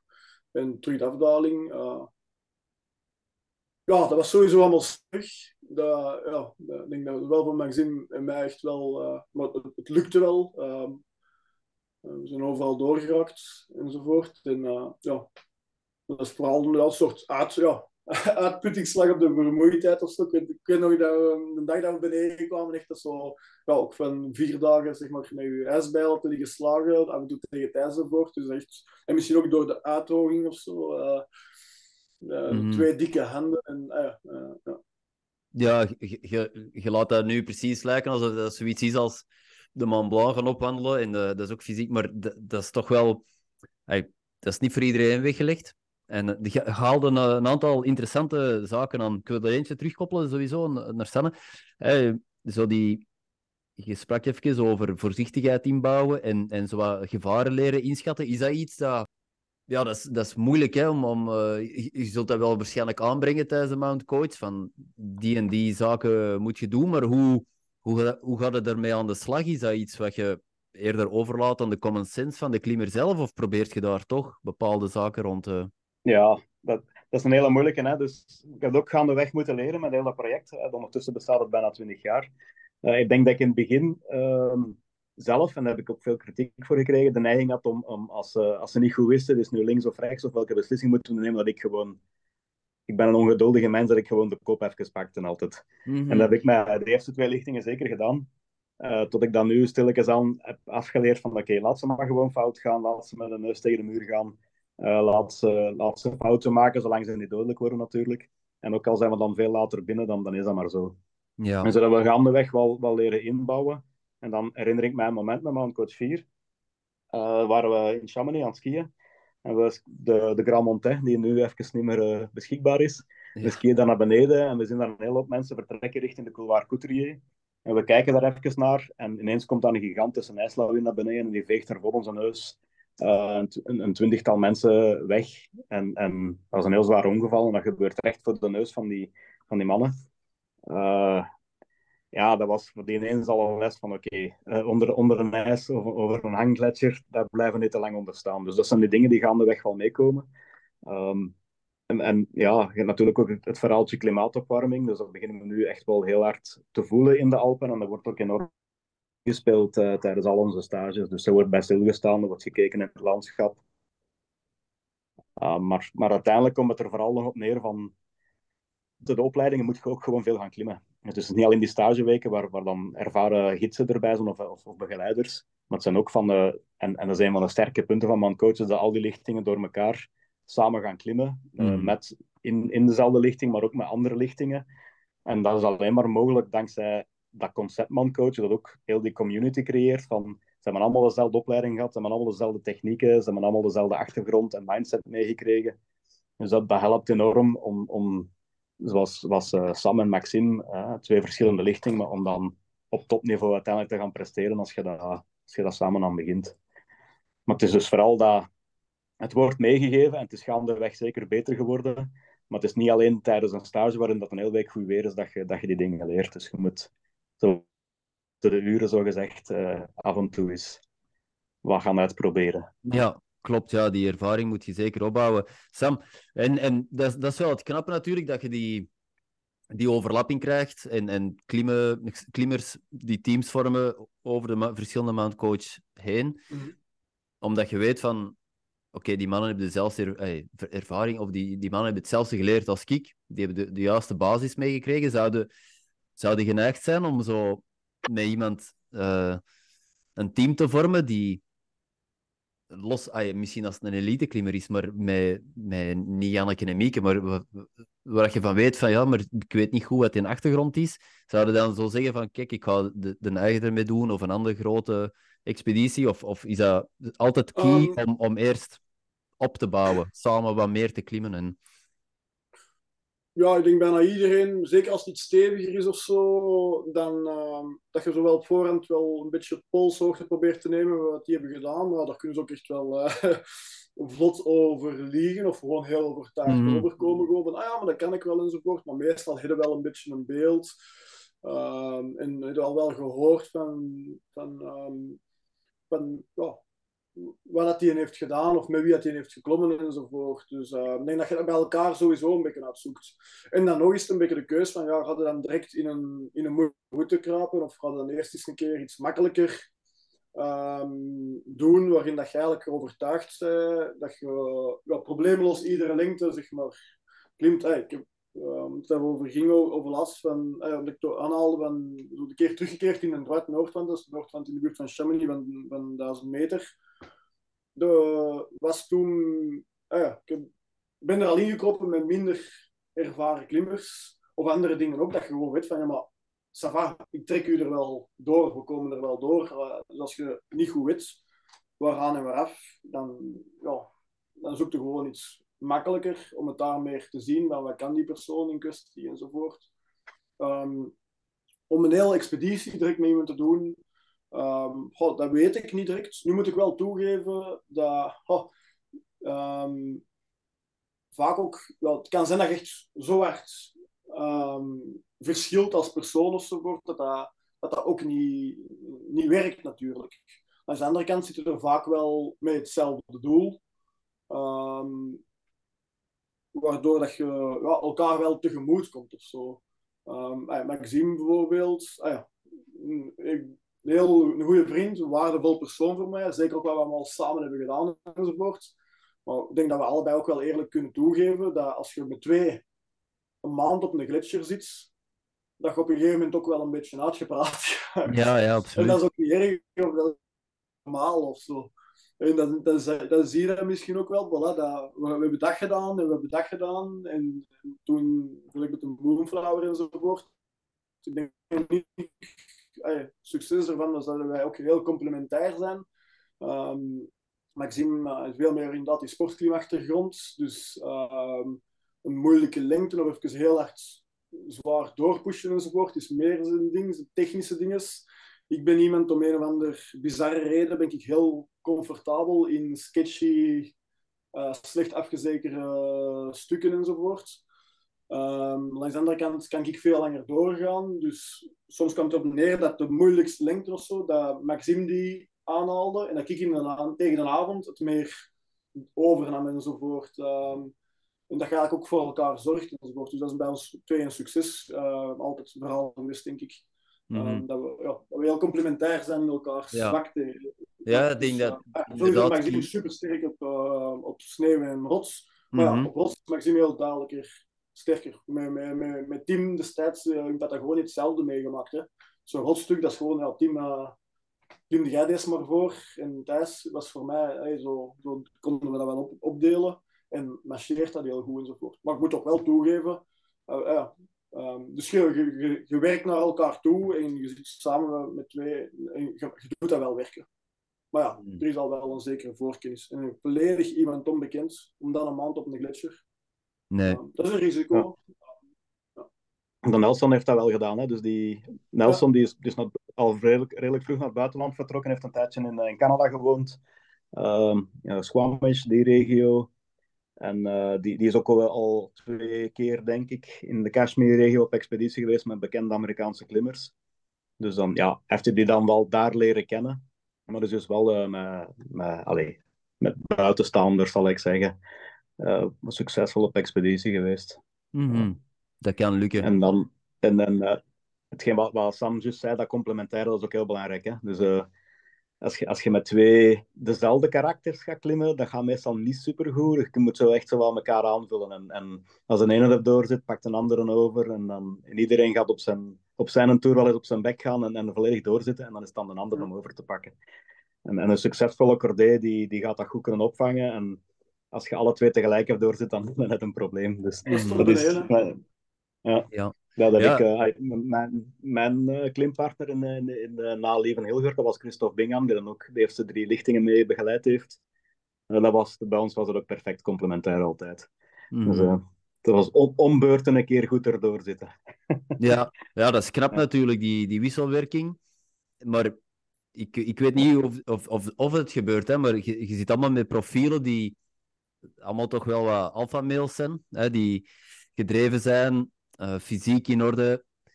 Um, ik weet niet of dat daar parallellen met bijvoorbeeld met, met, met de paras of zo, maar ja, is dat, groeit, groeit dat snel zo, die, die dynamiek waar, waar je eerlijk tegen elkaar kunt zijn en open zijn over hoe dat je er fysiek toestaat, je gevoelens, of is dat toch, zit daar toch een, een beetje een gevaar in dat je probeert op te boksen en, en op die manier uh, bepaalde risico's uh, aangaat? Of, of, oh. of nu ik moet eigenlijk zeggen dat dat tot nu toe in al die lichtingen hebben, hebben nooit zes uh, alpha-karakters bij elkaar gehad. Dat is altijd een hele goede wisselwerking geweest tussen twee, pakt één of twee van die, van die leidersfiguren en, mm. en dan zo wat meer mensen die dat wat kunnen kalmeren. En wat altijd goed is, hè, want als je alleen maar uh, gung-ho, uh, Captain Stark mensen hebt die, die voor eender wat idee gaan, als er geen stemmetje is van ja maar, hè, denk mm ook aan dat, dat en dat. Ik denk dat dat uiteindelijk meestal echt wel goed, goed uitkomt. Ik ga niet zeggen dat alle, alle geselecteerde mancoaches altijd uh, exacte profiel hadden we voor ogen hadden, zeker niet. En, uh, en er is ook zelfs een bepaalde lichting geweest dat je te veel van die alpha-figuren had, uh, en die dan ook ten koste van, van, van de andere helft van de groep een, een wat negatievere sfeer verzorgde. Dus we hebben een beetje alles al gezien. Um, ik denk dat ook daarom dat concept van, van crossman coach klimmen, dat dat echt wel goed is. Dat dat niet enkel in die bepaalde lichting, hè, die, die lichtingen die hangen goed of minder goed aan elkaar. Ja. Er zijn ook mensen dat je nooit meer terugziet achteraf. De, de, de man coach shopper zal ik zeggen, van uh, tik in de box, ik heb dat gedaan en doe een keer iets anders in het leven. Uh, maar maar uh, er is wel nog een, uh, een goede kern, zal ik zeggen. En, en, en Sam is er zeker een van die dat... Ja, die dat daar wel, wel mee kan bewaken. En ik weet niet, Sam, of dat je dat zo... Want we hebben, dat samen, we hebben samen stages gegeven en, en Sam heeft ook gaandeweg zo wat geleerd, omdat je die, die psychologische begeleiding van die groepen doet met, met gesprekken en nabesprekingen.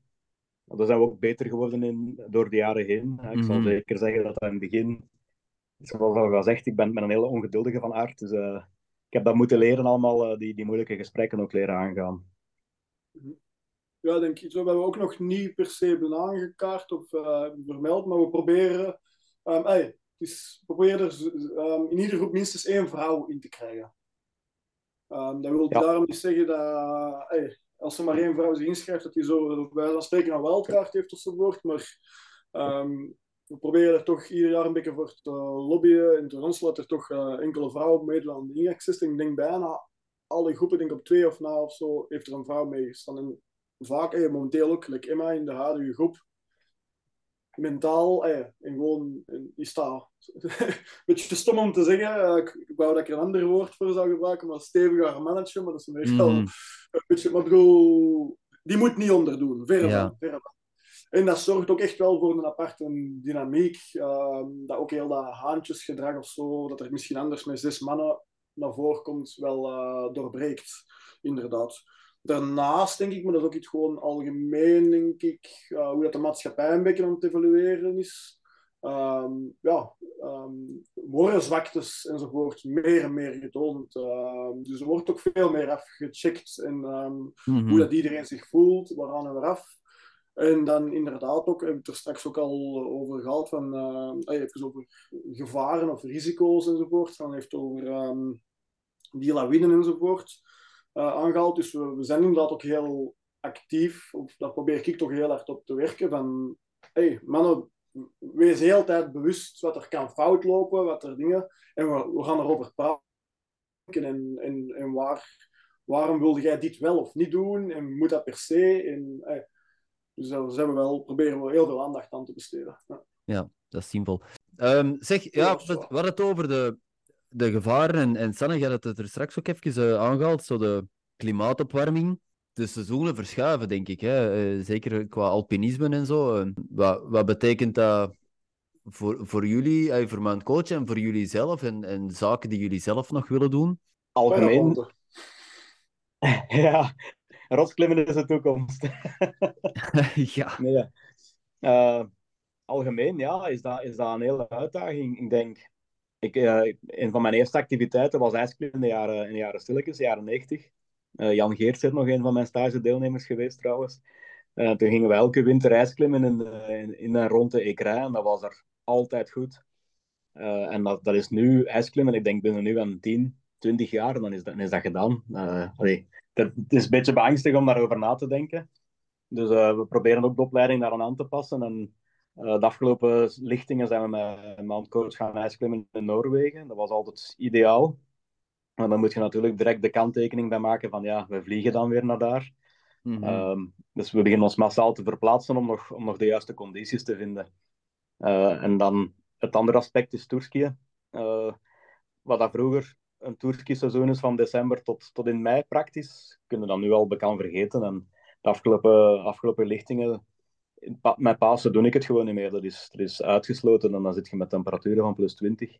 Dus de, nu begint dat Tourski-seizoen zich te verplaatsen naar februari. En, uh, en gaat het ijsklimmen na Tourski uh, praktisch al gaan doorgaan, wat dat vroeger omgekeerd was. Mm -hmm. ja, ijsklimmen, dat is dan nog februari, maart. Kunnen nog goede condities hebben. Voor de rest gaat de, in de Alpen, gaat, je kunt chance hebben, hè, maar het is, het is echt wel achteruit aan het gaan.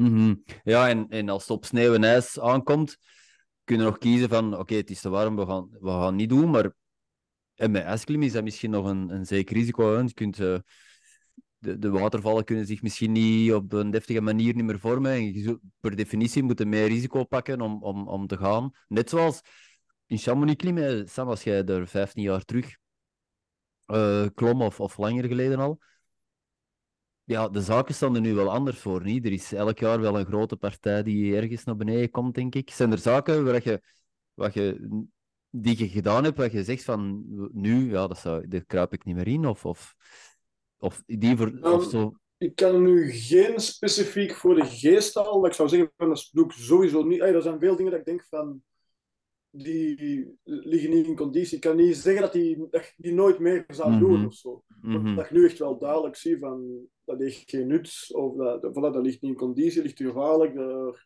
ook bij mij inderdaad met, met, met hanggletsjers erboven enzovoort, die vroeger niet zo groot waren. Um, en je ziet die verandering wel, hè, ook terugtrekking van de gletsjers en zo, dat is, dat is gigantisch. Hè. Merken we dat misschien ook meer of dat is mij harder beginnen opvallen. Inderdaad, de Chamonix met de Vallée Blanche, maar dat is mij ook heel erg beginnen opvallen met, sinds instructeur. Met, dat je ijsscholingen moet geven om je groep uh, naar boven. De eerste dag kramponagetechnieken enzovoort. Dat zijn echt gletsjers waar ik drie jaar geleden naar toe ging. En dat ik echt gewoon hey, de, de huidige begin, uh, de eerste stage van mijn coach, de stage deze zomer, is doorgegaan uh, in, rond Bernina. Massief. En drie jaar geleden denk ik dat ik er ook nog bij aan was. En echt gewoon een plek, dat we zoiets maar hier was hier nog een gletsjer. We hebben hier onze ijsscholing gedaan, twee of drie jaar geleden. En nu stonden we gewoon op het zand en moesten we echt nog een bult over. Dus moesten 100, 200 meter verder de gletsjer op of zo. Oh, dat is wel heel... Dus voor u zijn die veranderingen op twee, drie jaar tijd al zo opmerkelijk? Want ik dacht, ja, Sanne zijn ervaring, hè, de jaren 90 ten opzichte van nu, dat zou wel extreme verschillen geven, maar dat is op zich al een, een hey, dat is onwaarschijnlijkheid dat om dat te constateren. Ja, dat was misschien ook wel met een soort helling in het terrein enzovoort, dat waarschijnlijk heel lang tegenhield. En ineens dat, dan de, hey, dat de gletsjer er niet meer over kon, dat ook ineens stopte met eraf te glijden. Maar dat zijn echt wel heel duidelijke, heel duidelijke dingen. Om daarom te zeggen, van, dat ga ik aangeven, van, uh, er zijn veel dingen, ook uh, zeker als sneeuw en ijs, dat je vroeger was zo, ja, juni, begin van de zomer, um, kon nog veel sneeuw en ijs doen. Tegenwoordig vriest het niet meer, valt allemaal naar beneden. Soms dat ook zo die toegangscouloirs al volledig droog zijn. Um, ik ben altijd iemand geweest die niet echt in de zomermaanden klom vroeger. Maar als ik nu ook soms verhalen hoor, uh, foto's zie, en soms dat de Alpen erbij liggen in augustus, dat is, dat is hallucinant. Hè? Mhm. Ehm, en dat hadden vroeger echt wel niet, even vroeger, spreken over tien jaar terug. Hè? Uh, op dat vlak is het wel duidelijk snel aan het gaan. Ehm. en dan spreken we over de, de Alpen bij ons. Sanne, jij, jij komt op meerdere plaatsen en, en, en vroeger ook op veel andere plaatsen, uh, andere continenten geweest. Zijn daar voor jou uh, grote uitschieters of verschillen die daar uh, optreden? Ja, ja, absoluut. Um, eerst en vooral, ja, ik heb mijn, mijn Antarctica-ervaringen. En mijn eerste keer Antarctica was 2009 en de laatste keer was 2016. En dat was, ja, dat is al zeven jaar tussen toen al op, op een, een, continent als Antarctica, dat vol met, met ijs is, um, heb ik belachelijke verschillen gezien. En ik heb ook heel veel met, met glaciologen samengewerkt. Dus dat is, dat is exponentieel snel aan het gaan, beangstigend snel. Um, je wilde het eigenlijk niet weten, maar ja, we een beetje positief blijven hier. Maar dan een ander ding was, uh, de laatste keer dat ik met MC5 op expeditie was, was in India, in de Indische Himalaya. Dat was ik de laatste keer dat ik erbij was als begeleider tijdens de Mount Coach-expeditie. Uh, gingen wij de, de Dharamsura beklimmen in het noorden van India. En we stonden s'nachts op, om een 1 uur, 1 uur s'nachts op 6000 meter hoogte. En het vroor niet, het water liep gewoon van de berg af. En dat was, dat was zo frustrerend um, om mee te maken. Uh, ik, heb daar nog een be beetje van, ja, wel een, slag gekregen op die expeditie van, ja, het, het mooie tijdperk is precies voorbij. En, en mij persoonlijk, ik ben, ben van weg aan het gaan van het klassiek alpinisme. Ik doe dat niet graag meer, omdat ik nu doet me ook super veel pijn om in de Alpen rond te lopen en die, in die afbraak te zien. Als ik de Mer de Glas zie nu en, en die van 1996, ja, dat is, dat is, dat is heel, heel, heel angstwekkend. Dus mm. ja, ik ben me meer aan, aan het focussen op uh, multipitch, multipitch rots, uh, tourskiën, ijsklimmen nog een beetje. En, en daar, daar gaat het bij blijven. Natuurlijk ja. ook de leeftijd. ja. Ik heb nog, nog veel mooie jaren voor u, hè, maar zoals je er net zei, een deel van de opleiding, zoals het ijsklimmen voor de Mount Coachers, we zetten dan naar Noorwegen. Is dat binnen afzienbare tijd? Ik veronderstel niet dat je de andere kant van de wereld gaat opzoeken om een week uh, ijsklimstage te doen. Zijn dat zaken die, die gaan wegvallen, ook al omdat dat, die discipline in de Alpen of alpine omgeving, uh, in Europa dan, weg vallen, de, de, die activiteit aan zich? Goh, ik denk dat er nog wel even zal blijven. Hè. Je hebt ook een enorme boost van uh, ijsklimparken gekregen in de Alpen. Dus met, met sprinkelsystemen, dat de ah, lokale overheden eigenlijk uh, ijsparkjes maken. Uh, een beetje sportklim, ijsparken, die vind je overal zo wat. En als het vriest, dan, dan werkt dat wel. En zij, zij maken dat artificieel, dat dat sneller vormt. Dus de sport zal op zich nog wel even meegaan. maar, maar het begint richting skigebieden technieken te gaan, hè, met sneeuwkanonnen en, en, en nu is het Meer artificieel, ja het, het, moet, het moet nog altijd vriezen, wil de, wil de ijs hebben. En, en ja, eens dat het niet meer voldoende vriest, gaat dat, gaat dat ja... Ik kan er geen dingen... Maar natuurlijk, ijs... Vorige winter was eigenlijk niet slecht. Uh, en je vindt, zeker in Dolomieten en zo, vind je echt nog wel, wel, wel goede condities. Maar het wordt veel moeilijker om op te volgen en je moet het met veel meer mensen delen. Dus dat is een risico voor de sport, absoluut. Veel meer mensen delen, ja. Dus de, de plaatsen waar je nog de sporten kunt beoefenen, worden beperkt. Ja. Meer mensen. Op een, maar net zoals je met de klimaatveranderingen ziet, ergens wordt het droger, op andere plaatsen wordt het natter. Zijn er zo verschuivingen over Zijn er nu gebieden waar je zegt van ja, nu de perfecte plaats om te gaan ijsklimmen is eigenlijk uh, Ginter of, of om. om uh, Goh, we moeten niet ik ben nooit gaan ijsklimmen buiten, buiten Europa. Uh, en Noorwegen is Europa nog altijd. Ik weet dat Maximus gaan klimmen is in, in Canada omdat hij daar bijna niks konden klimmen, omdat het te koud was. Het was, het was min 30. IJs, ijs was veel te hard. Je bevroor gewoon maar dat je bij stond. Dus ja, dat is dan weer het andere uiterste. Dus die ideale condities, dat moet je ook... En ik merk dat nu zelf in de Alpen te wonen, dan heb je daar veel meer feeling. Uh, en je kunt niet zeggen van, ja, ik ga volgend jaar op ijsklim-expeditie naar, weet ik veel waar, in Alaska of in Canada. Um, en dan kom je ter plekke en je moet die condities eigenlijk al weten op voorhand. Dus ik, ik weet niet je hebt een ijsklimscene in Noord-Amerika, een, uh, in, in Europa, maar daarbuiten bestaat er ook gewoon geen informatie over. Mm. Is, dat, is dat de key to, tot succes voor uh, eigenlijk de, de alpinist? Uh, bon, Antwerpen is niet zo ver weg, hè, Sam. Zeven uur rijden of acht uur rijden of, of tien uur rijden tot Chamonix. En je kunt van alles doen, maar wat jij gedaan hebt en, en verschillende mount coaches die je er, er straks hebt opgenoemd, zo tegen de Alpen van wonen of in de Alpen en al een minuut kunnen zien van dat zijn de condities, ik kan vertrekken en twee uur later uh, ben ik bezig. Is dat, helpt, uh, ik vermoed dat dat zal helpen, maar is, dat, is dat de... Ja, vr vroeger woonde ik in Hoegaarde dus en dat was het even ver rijden altijd. en dan tot voor, tot voor de, de smartphone hadden praktisch geen informatie. Dus dat was, mm. dat was ja, naar lokale gidsen bellen dat je kende, of mensen die in de streek woonden dat je kende, om van, hé, hey, is het de moeite om af te komen? En dan moest je verlof dan nog rondplannen, dus dat is altijd een moeilijke. En je hoort dat altijd in die... We hebben daar straks nog vergeten over te praten, over een van die pijlers, ja, je verlof. Hè. Dit... Welke, wat zijn de populaire beroepen? Dat zijn uh, mensen in het onderwijs, de brandweer, uh, het leger, ja. of de zelfstandigen. Maar uh, ja, nee, um, nu, nu is dat inderdaad... Ik heb vrijdag om 12 uur gedaan op het werk, en, en vrijdagmiddag ben ik daar waar de condities goed zijn. Dus ik, ik, ik zal nooit zeggen van ik ga over twee maanden in, in Wallis gaan klimmen. Dat ga ik nooit zeggen. Dat is op de donderdagavond kijkt eens naar de condities en het weerbericht. En zo geef ik de stages ook tegenwoordig. Dus man coach stages die vroeger maanden op voorhand gepland worden, met, met geboekte hutten en zo, dat bestaat niet meer. Dus nu is dat voor de tourski stage, die gaat in februari, dat is al een hele verschuiving. Die gaat ergens doorgaan en dan ga ik pas beslissen op donderdagavond uh, om, om, om dan zaterdag te starten, waar dat de condities optimaal zijn. Dus dat is, dat is toch wel een rechtstreeks uh, een aanpassing op een rechtstreeks gevolg van de, die, die klimaatverandering of de veranderende omstandigheden in, in het algemeen. Uh. Ja, ja, natuurlijk, we zijn als mensen uh, passen ons snel aan. Hè. Dus ja, dus nu de, de techniek om goede condities te vinden is op, kort op de bal te spelen. Mm. Je kunt, kunt eigenlijk niet anders niet meer. Klopt. Ja je, je, pakt, eh, je, geeft er eigenlijk nog een, een, een, ehm, een tof iets aan. Hè. we zitten in een tijdperk nu en de, de huidige maandcoachers met de, de smartphone, je hebt vrijwel altijd en overal ontvangst en kunt de condities checken en, en uh, wat er komt. Maar jij waarschijnlijk ook, Sam, in je beginjaren? Had je toen al smartphones? In die...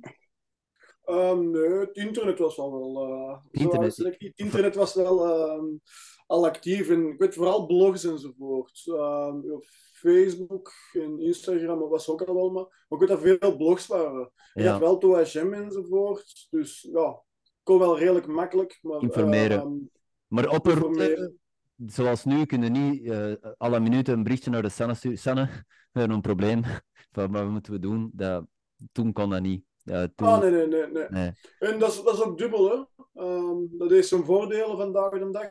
Dat heeft ook um, duidelijk zijn nadelen enzovoort. Um, ik zie dat ook bijvoorbeeld met de huidige lichtingen, maandcoaches, zeg maar iets, naar het zoeken van een route enzovoort. Mm -hmm. Doordat we zo hard gewend zijn om in onze gsm de gps aan te zetten, uh, ja. die ons zegt waar dat we naartoe moeten. En dat we eigenlijk nog eens niet deftig beseffen of dat we naar het noorden of het zuiden of uh, aan het rijden zijn enzovoort. Um, veel mensen die, die kunnen met een GPS kunnen werken als die rijrichting niet klopt, zeg maar. Dan moet, uh, de, de kaart moet meedraaien met de. Um, dus dat deed ook, hey, dat heeft zijn voor- en nadelen. Je hebt, veel meer, voilà, veel meer mogelijkheden om iemand te contacteren, maar eigenlijk bereidt het volgens mij ook routes veel minder voor, want je weet dat je altijd naar kunt teruggrijpen tot wanneer je batterij leeg is en een probleem, dat je geen ontvangst hebt enzovoort. Um, dus dat is een beetje uh, dubbel of zo. Hmm, uh, maar dat, ja, verder gewoon staan wel aanhaalt. Ja. ja, sorry? Ah, sorry, ja, dat wordt wel in de opleiding, dat, dat wordt nog die basics met kaart en kompas en, en vertrouwen op, op, uw, op uw eigen kennis, dat wordt nog wel aangebracht. Uh.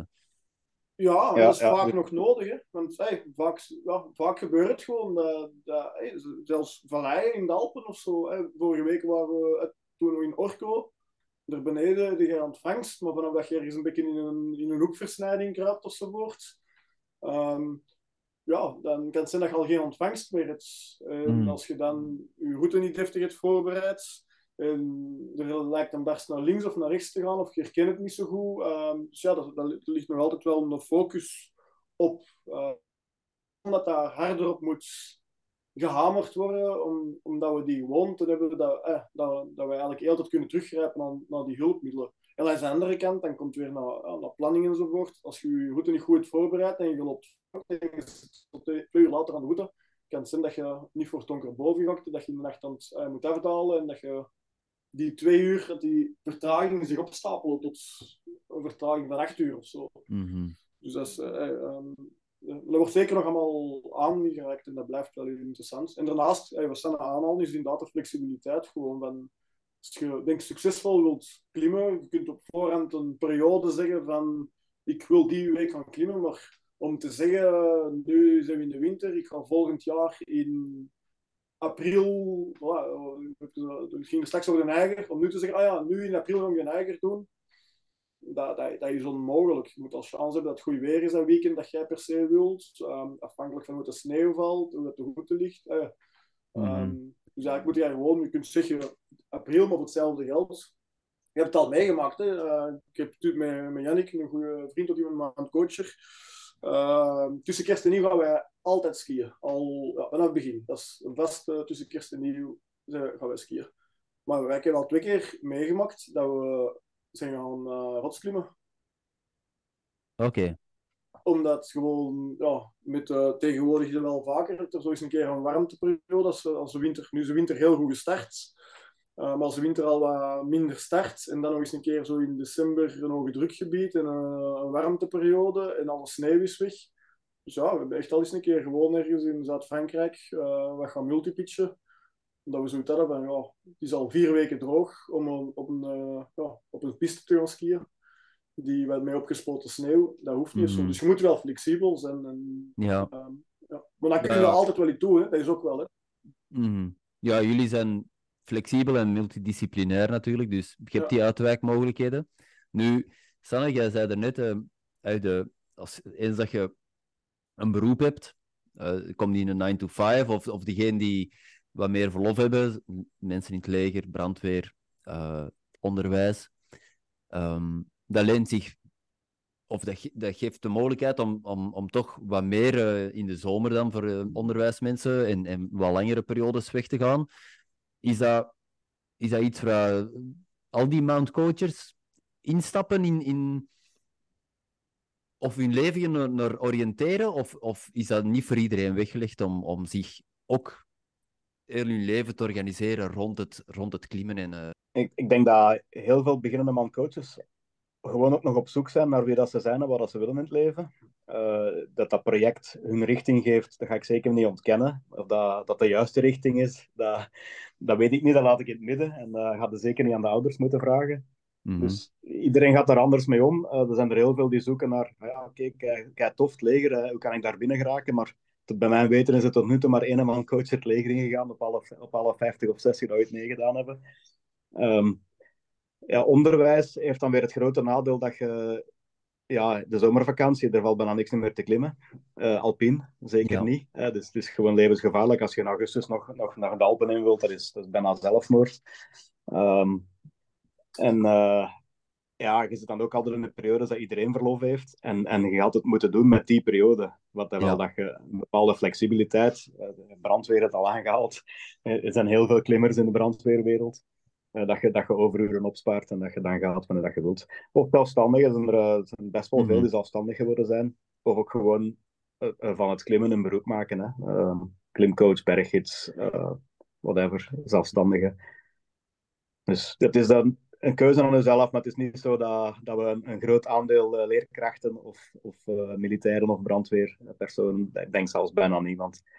Dus... Nee. Maar ze gaan er op een of andere manier allemaal wel een, een draai in vinden. Toch een aantal die naar het buitenland vertrokken zijn ook. Mm ja, om dichter, dichter, dichter bij de bergen te wonen. Ik denk ook niet, niet allemaal coaches um, blijven zo actief in de bergsport.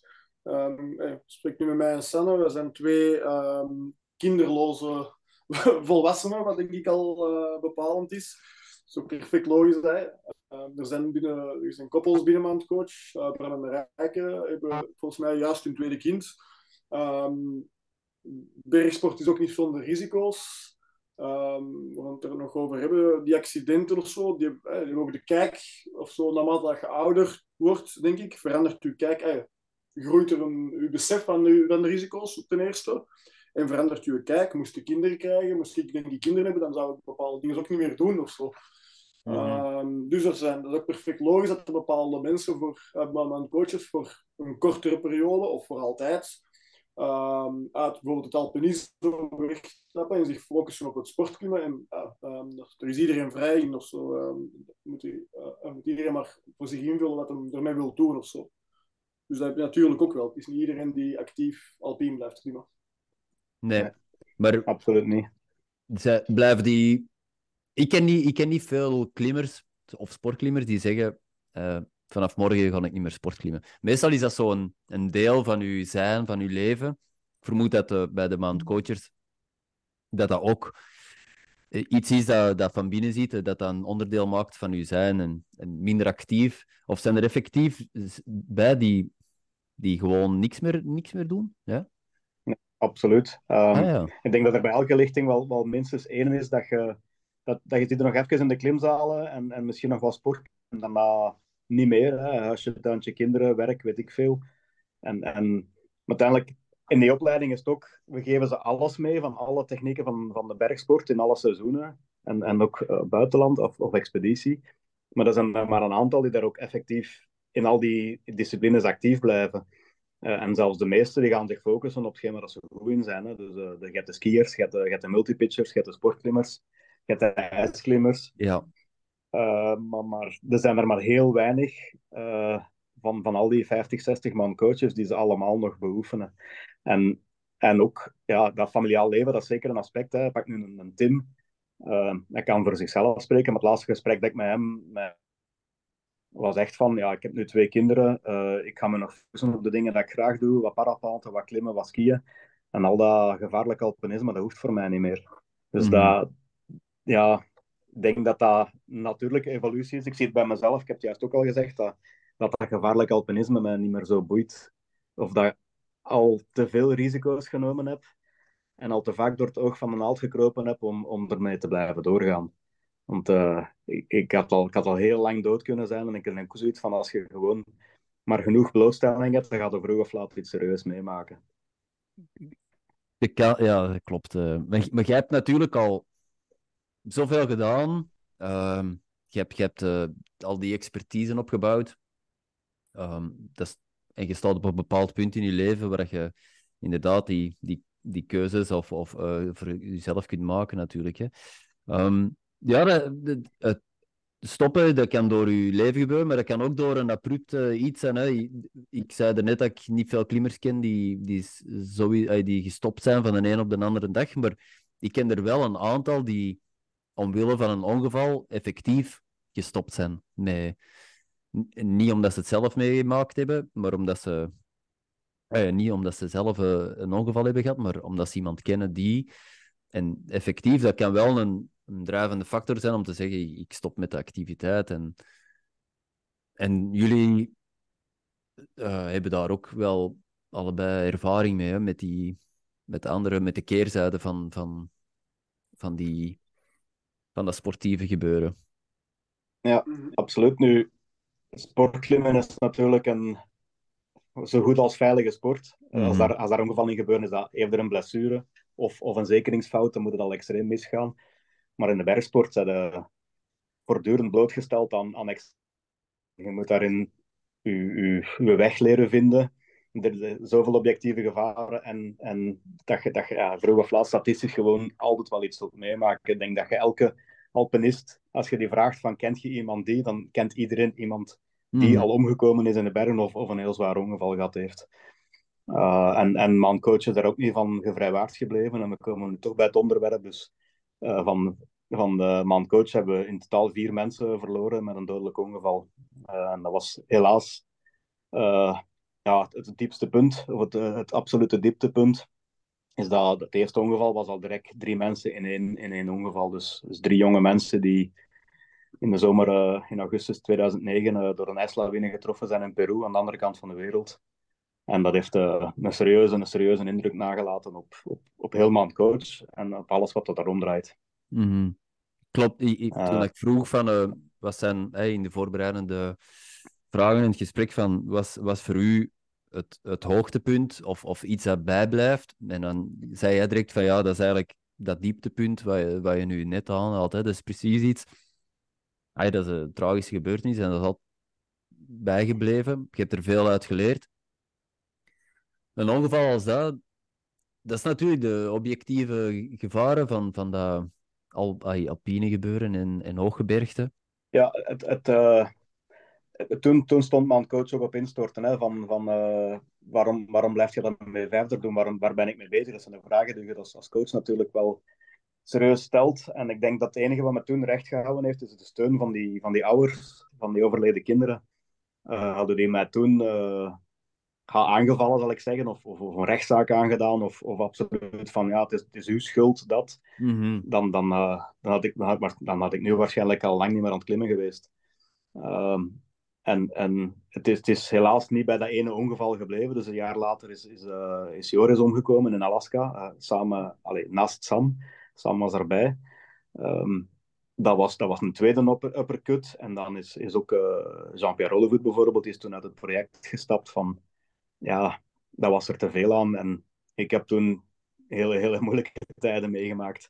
En opnieuw is het de steun van de ouders die, die mij daar doorgetrokken heeft. Maar waarom, waarom gaat je door? Is dat, als ik dat nu op moet antwoorden, is dat gewoon van kijk, er zijn zoveel objectieve gevaren. Ik kan er alleen maar uh, bewustzijn voor creëren. Er zijn ook zoveel subjectieve gevaren en die kan ik wegnemen. Mm. Uh, door, door een heel degelijke opleiding aan te bieden aan mensen die dat anders nooit hadden geleerd op tijd. Dus het is een beetje zoals het rijbewijs, hè, je, haalt, je haalt je rijbewijs bij, bij een rijinstructeur, je gaat dan je ticketje van af, je kunt, je kunt ijsklimmen nu. Maar uh, wat je er daarna mee doet, uh, dat is heel afhankelijk van, van hoe dat die opleiding gegeven is. Hè. Of, of, ja. ja. Mm Dus is... proberen, als, nu één antwoord, waarom, waarom bestaat mancoach nog altijd, waarom ben ik het altijd blijven doen, uh, is, is vooral dat van, om het zoveel mogelijk te vermijden dat het nog ooit zover zou komen. Ja. In, in en rond de maandcoachopleiding. Dus ook nooit, dat, dat is een ander ding dat mij zeker had doodgedaan, was, was, was een ongeval tijdens een stage of, of een dodelijk ongeval in de opleiding zelf. Mm -hmm. um, als het aan de andere kant van de wereld gebeurt, waarbij dat je daar geen controle over hebt, kun je ergens zeggen, ja, het is, het is niet mijn schuld, maar het is desondanks zeker uh, een heel moeilijke periode geweest. Ja, en, en ik voel, of ik zie ook dat je daar nog altijd emotioneel, of, uh, of dat, dat doe je nog altijd iets precies. Hè? Die... Ja, ja, absoluut. Ja. Allee, ik, Sam zei juist ook al, ja, ik, ik heb geen kinderen, maar mijn man coaches zijn een beetje mijn kindjes. Ja, ja, absoluut. Dus uh, allee, dat is nog altijd voor mij een hele echte vriendenkring, ook al ben ik uh, wat jaren ouder. Uh, maar ik, ik haal daar veel uit, uit, uit, die, uit die vriendschappen, uit iemand als een Sam, die, die allee, als een echte goede vriend beschouw ook. Dus, dus ja, dat is ook een deel van, de, van het klimmers community gebeuren, is daar samen mee leren omgaan, met die, met die moeilijke momenten ook. Uh, het is gewoon een inherent deel aan de bergsport, dus dat dat niet zonder risico is. Dat maakt het aan de ene kant interessant als sport, aan de andere kant is dat het grootste nadeel. En het is niet dat er, gelijk bij voetbal, dat het over een, eh, een blessure gaat, maar het is, het is leven dat ervan afhangt. Hè. Dus. Uh, ja, de gevolgen zijn meestal erger? Als, ja, dramatischer dan enkele dan een, bij, bij andere sporten. Alhoewel, bij sportklimmen, ja, zoals gezegd, uh, kun je slecht vallen, een enkeltje verstuiken of, of een ringbandje scheuren. Um, en statistisch gezien, bij sportklimmen, dat is dan nog uh, super veilig, denk ik. Uh, als je dat vergelijkt als BMX'ers of zo, die, die breken elke, elk kwartaal wel eens een schouderblad of zo, door slecht te vallen. Dus, maar ja, bon, de alpinisme, dat, dat, is, dat is inherent meer risico. Ja, voor Sam is dat wel heel dichtbij gekomen natuurlijk. Hè, want uh, bij, bij u was dat op het moment dat je samen met, met Joris uh, een expeditie uh, oh, op, op expeditie ja. wordt. Hè. Ja, dus ja, zoals ze al aanhaalden, eigenlijk um, is eerst een accident gebeurd van uh, Koen en, en Hans in Peru. Wacht, hè. even nadenken soms worden er altijd emotioneel van, soms niet. Mm. En dat je ook zeggen waarom het dat vandaag op deze periode wel is of zo. Maar, um, dat is sowieso wel heel heftig binnenkomen. Ik denk vooral omdat we een heel echte klik waren of zo. In twee jaar um, heel intensief samengeleefd enzovoort. Ik weet dat er toen um, Al Grabbens, mijn toenmalig lief, um, soms de mop, of de venijnige mop maken. Jij slaapt meer met Jannik samen dan met mij. Um, dus wij waren heel echt, Koen, Jannik Mhm. en Joris enzovoort. En dan is het um, accident inderdaad in Peru gebeurd. Dat denk ik voor iedereen wel echt als een, een bom is binnengekomen. En dan inderdaad een jaar later ben ik met Joris naar Alaska gegaan om um, goed te klimmen op de Denali Manakindi, de hoogste berg van um, Alaska. En um, ja, zwart, we ook al drie weken denk ik in de expeditie, acclimatiseren, wat andere dingen proberen en doen, waaraan we eigenlijk, waaraan we eigenlijk aan eh, ons doel van de expeditie beginnen. En um, daar komt Joris dodelijk ten val in, ik denk de eerste, uh, ja, de eerste dag, ik denk dat we vijf uur aan het klimmen waren of zo. Um, en dat is ook wel weer allemaal heel heftig geweest, voor mij ook. Maar ik denk inderdaad ook in de eerste plaats dan Samen of zo. Eh, ik, kon, ah ik, ik, belde naar huis om te zeggen wat er was gebeurd, maar Sanne moest het inderdaad wel tegen de toenmalige partner van Joris, uh, Griet, gaan vertellen en tegen Davos enzovoort. Uh, um, dus dat is allemaal wel... Ja, dat is, je kunt eigenlijk gewoon niet vatten denk ik, wat er die periode of zo allemaal is gebeurd. En ik denk voor mij ook dat ik eigenlijk een soort, moet dat zeggen, een soort psychologisch afweermechanisme heb geïnstalleerd of zo, waardoor er vandaag de dag nog altijd dingen heel, onduidelijk zijn en heel, rond heel die periode enzovoort. Wat ik wel altijd heb ja, blijven aanhouden enzovoort, is um, bergsport is een soort ja, een risicosport en je kunt dat is voor iedereen persoonlijk om te bepalen welke risico's dat hij neemt of niet. je hebt het al aangehaald, zo onder een hangserre klimmen, dat is niet verstandig, dat doet je niet. Um, maar ja, soms moeten we wel onder een hangsterk door om tot aan je route te geraken. En dat is voor iedereen persoonlijk uh, in te vullen wat er met me doet. Je hebt mensen die zeggen van, ik ga dat gewoon niet doen. Um, Oké, dat, dat, is, dat, is, een keuze, dat is goed, ik heb daar geen oordeel over. Andere mensen zeggen wel, ik doe dat wel. En je hebt mensen die kiezen om drie dagen onder een serk te, te klimmen. In de Himalaya van die zotte routes. Uh, in de Alpen ook, die, die, waar je een hele dag onder serek klimt. Misschien worden die vandaag de dag nog geklommen. Ik zou dat ook niet doen, maar dat is voor iedereen vrij ofzovoort. Mm -hmm. um, dus daar heb je al wel een soort punt of zo, denk ik, dat, dat, dat ja, dat ik een beetje moe, uh, dat ik niet goed weet van, ik kan niet beslissen wat iemand anders wil, wil doen. En um, het ongeval van in Peru, ik ga er, uh, dat, uh, ik kan er niks over, over zeggen. Ik had het waarschijnlijk anders gedaan, maar iedereen, ieder heeft zijn eigen dingen, dus dat maakt allemaal niet, niet, niet echt uit of zo. Iedere factor verandert iets of zo. Um, voor mij persoonlijk, denk ik, ben ik altijd wel bewust zijn, ook omdat je juist even aanhaalt, van ja, klimmen met een accident. Met het accident in Alaska, um, op die moment zelf was ik er mij van bewust van, had ik een soort rust in het gegeven van, ja, ik wist, ben nooit verschoten dat, dat, dat dergelijke accidenten kunnen gebeuren. Ik had nu niet verwacht dat ik dat zou meemaken, zo jong, enzovoort, enzovoort. En zo snel achtereen, mm -hmm. we hebben zoveel vrienden. En uiteindelijk van onze groep, dat is een beetje pijnlijk of zo, maar van de, van ons, van de tweedemans coachgroep zijn Jannik en ik degene die nog resteren van die groep. Uh, Koen, uh, Anne en Jori, uh, die zijn er niet meer.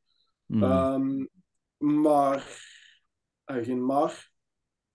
Um, ja, waar ik naartoe. Ah, ik wist ginder eigenlijk al dat ik gewoon aan het nadenken was van wat, is er nu gebeurd en hoe had die val vermeden kunnen worden enzovoort. En, en dat ik voor mijn eigen ook dacht van ja, accident is gebeurd op een plaats waar dat uh, ook gewoon heel moeilijk is. Moest dit accident in de Alpen gebeurd zijn, dan zouden we veel makkelijker hulp kunnen inschakelen enzovoort. Um, maar dit is nu allemaal moeilijk om mij hier te redden. Um, en al. Maar ik wist toen al wel van ja, klimmen, stoppen met klimmen, dat, dat ga ik niet doen of zo. Um, ik denk dat ik gewoon op voorhand al heel erg bewust was van wat dat er mogelijk kon mislopen op een dag. Mm -hmm. ik denk dat dat ook ooit gestart is met... Ja, is misschien een beetje gradueel gegroeid. Uh, of zo, en is er ook iets vertekend aan of zo, maar um, voilà, geraakt geïnteresseerd in klimmen, geleerd um, bekende klimmers, uh, geleest verslagen over verhalen van bekende klimmers enzovoort, en dan verongelukt die Um, dus ik, heb denk ik eerst al voorgaand aan die ongevallen gehoord over iemand, een klimidool dat verongelukt. Uh, um, gemaakt is een keer, ik heb een keer meegemaakt aan de andere kant, uh, aan het klimmen waren, in een berg aan de andere kant van de vallei. Gebeurt een ongeluk, dus zo gradueel wordt ermee geconfronteerd en gradueel groeit ook ergens dat besef in, in, in, in uw perceptiekader of zo rond uh, dingen. En ik denk dat dat zo dichter bij mij is gekomen met dan inderdaad ongeval van Koen en een, um, Hans in Peru.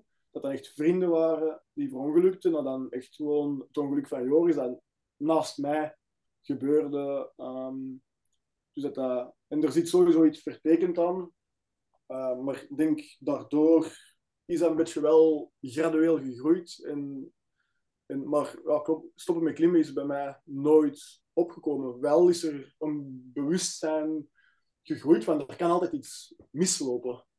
En dat is ook dat ik vandaag, dat die ongelukken bij mij heel erg hebben meegepakt. Van mannetjes, uh, beseft dat gewoon dat in dat gaat stil wat er kan, kan misgaan. Dat gaat, en, het is gebeurd gewoon ongeluk. En jammer genoeg draait het naar mijn aanvoelen vaak niet rond, rond een beperkte kennis of een beperkte ervaring. Maar ja, dat is gewoon foute moment, foute plaats. En, mhm.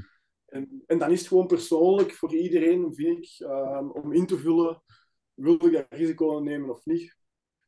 En ja, en aan de andere kant, dat, maakt niet, dat neemt niet weg dat dan, hey, als ik morgen een accident heb um, en ik ben er niet meer, ja, ik moet niet verder leven of zo. Um, maar door te zien wat voor een ravage dat achterlaat enzovoort, bij de naasten van, als ik uh, denk uh, aan de families, aan Koen, Anne enzovoort, Joris, dat heeft wel meer ertoe aangezet van, ja, beseft wel wat gaan doen zijn enzovoort. En dat is iets dat ik vandaag de dag ook heel hard in mijn coach probeer door te geven, gewoon van, dat gaat om kleine dingen, hè. je zit aan het rappel zeg maar, in de wand en je komt op een terras Um, en je hebt een rotsband van een meter, een meter en een half. Er gaat hier niks gebeuren, maar pikt u toch in. Hmm. Uh, ander relais voordat je volgende rappel dingen. Maar je staat eigenlijk perfect veilig, maar houd er rekening mee, want voor hetzelfde geld valt er iets naar beneden of je weet niet wat er gebeurt. Gewoon, je kunt het zo, zet, zo zot niet um, um, bedenken. Het kan, het gebeurt soms.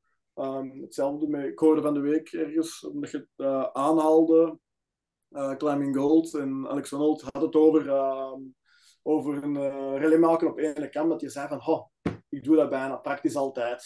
Ja. Ik snap dat per se. Ik denk dat Alex Arnold op, ook op een andere manier denkt dan de gemiddelde mens. En dat is zijn keuze om dat zo te doen enzovoort. Maar dan voor mij denk ik, wij hebben geleerd om een relay te maken op twee punten, soms zelfs drie. Ehm, en dat is ook niet dat je dan gewoon probeert ja, aan te houden en dingen. En als het eens een keer niet kan, wat ook gebeurt, dan, ja, dan, dan, dan kan het niet. En dan moet het oplossen enzovoort. Maar mm. um, ja. De, Alex Honnold zegt er ook, iedereen bepaalt zich voor zichzelf dan wat hem aanvaardbaar vindt en wat, waar, welk risico dat hij wil nemen. Hè. Um, ja. ja. Um, zeg, bedankt om, om even dat persoonlijk verhaal uh, te brengen. Hè. Um, die zaken die jullie nu hebben aangehaald, hè, Sam, geeft duidelijk aan van kijk, dat ze ook, hoe tragisch dat ook is, dat is een, echt een leermoment voor mezelf persoonlijk, om te zien, uh, ja, wat kan ik eruit leren, hoe kan ik ermee verder. Het is zo natuurlijk, de voorbije jaren, jullie stek, David Lama, Jan, hun, Jurg Hans, of hoe heet hem daar? Auer. Auer, ja, klopt.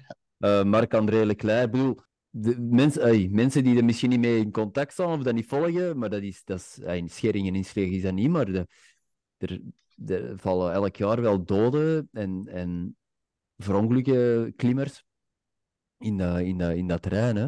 Was dat, hebben jullie de indruk dat dat voor, voor niet-klimmers of mensen die, dat, die, die er niet zo nauw tegenaan staan, en misschien zelfs voor de familie, dat dat moeilijker is om te vatten eigenlijk. Uh, waarom en hoe dat, dat kan en om dat te plaatsen. De nieuwe Mount Coach lichting, als je zegt van kijk, om dat aan te brengen, als je niet die exposure hebt gehad zoals, zoals jij, dat gradueel van ah, gehoord is iets, ah, en dan zie je dus iets gebeuren in de verte en dan dat komt altijd wel wat dichterbij, je hebt die exposure, dat dat moeilijk is om, om tot u te maken van oké, dat kan effectief ook mij overkomen. Ja, ik denk... Uh we, pakken het al mee in, de, in het motivatiegesprek van, van in het begin bij mijn coach. Wordt dat, wordt onmiddellijk naar voren gebracht van kijk, uh, het is niet de meest veilige sport dat er is. We hebben al mensen verloren.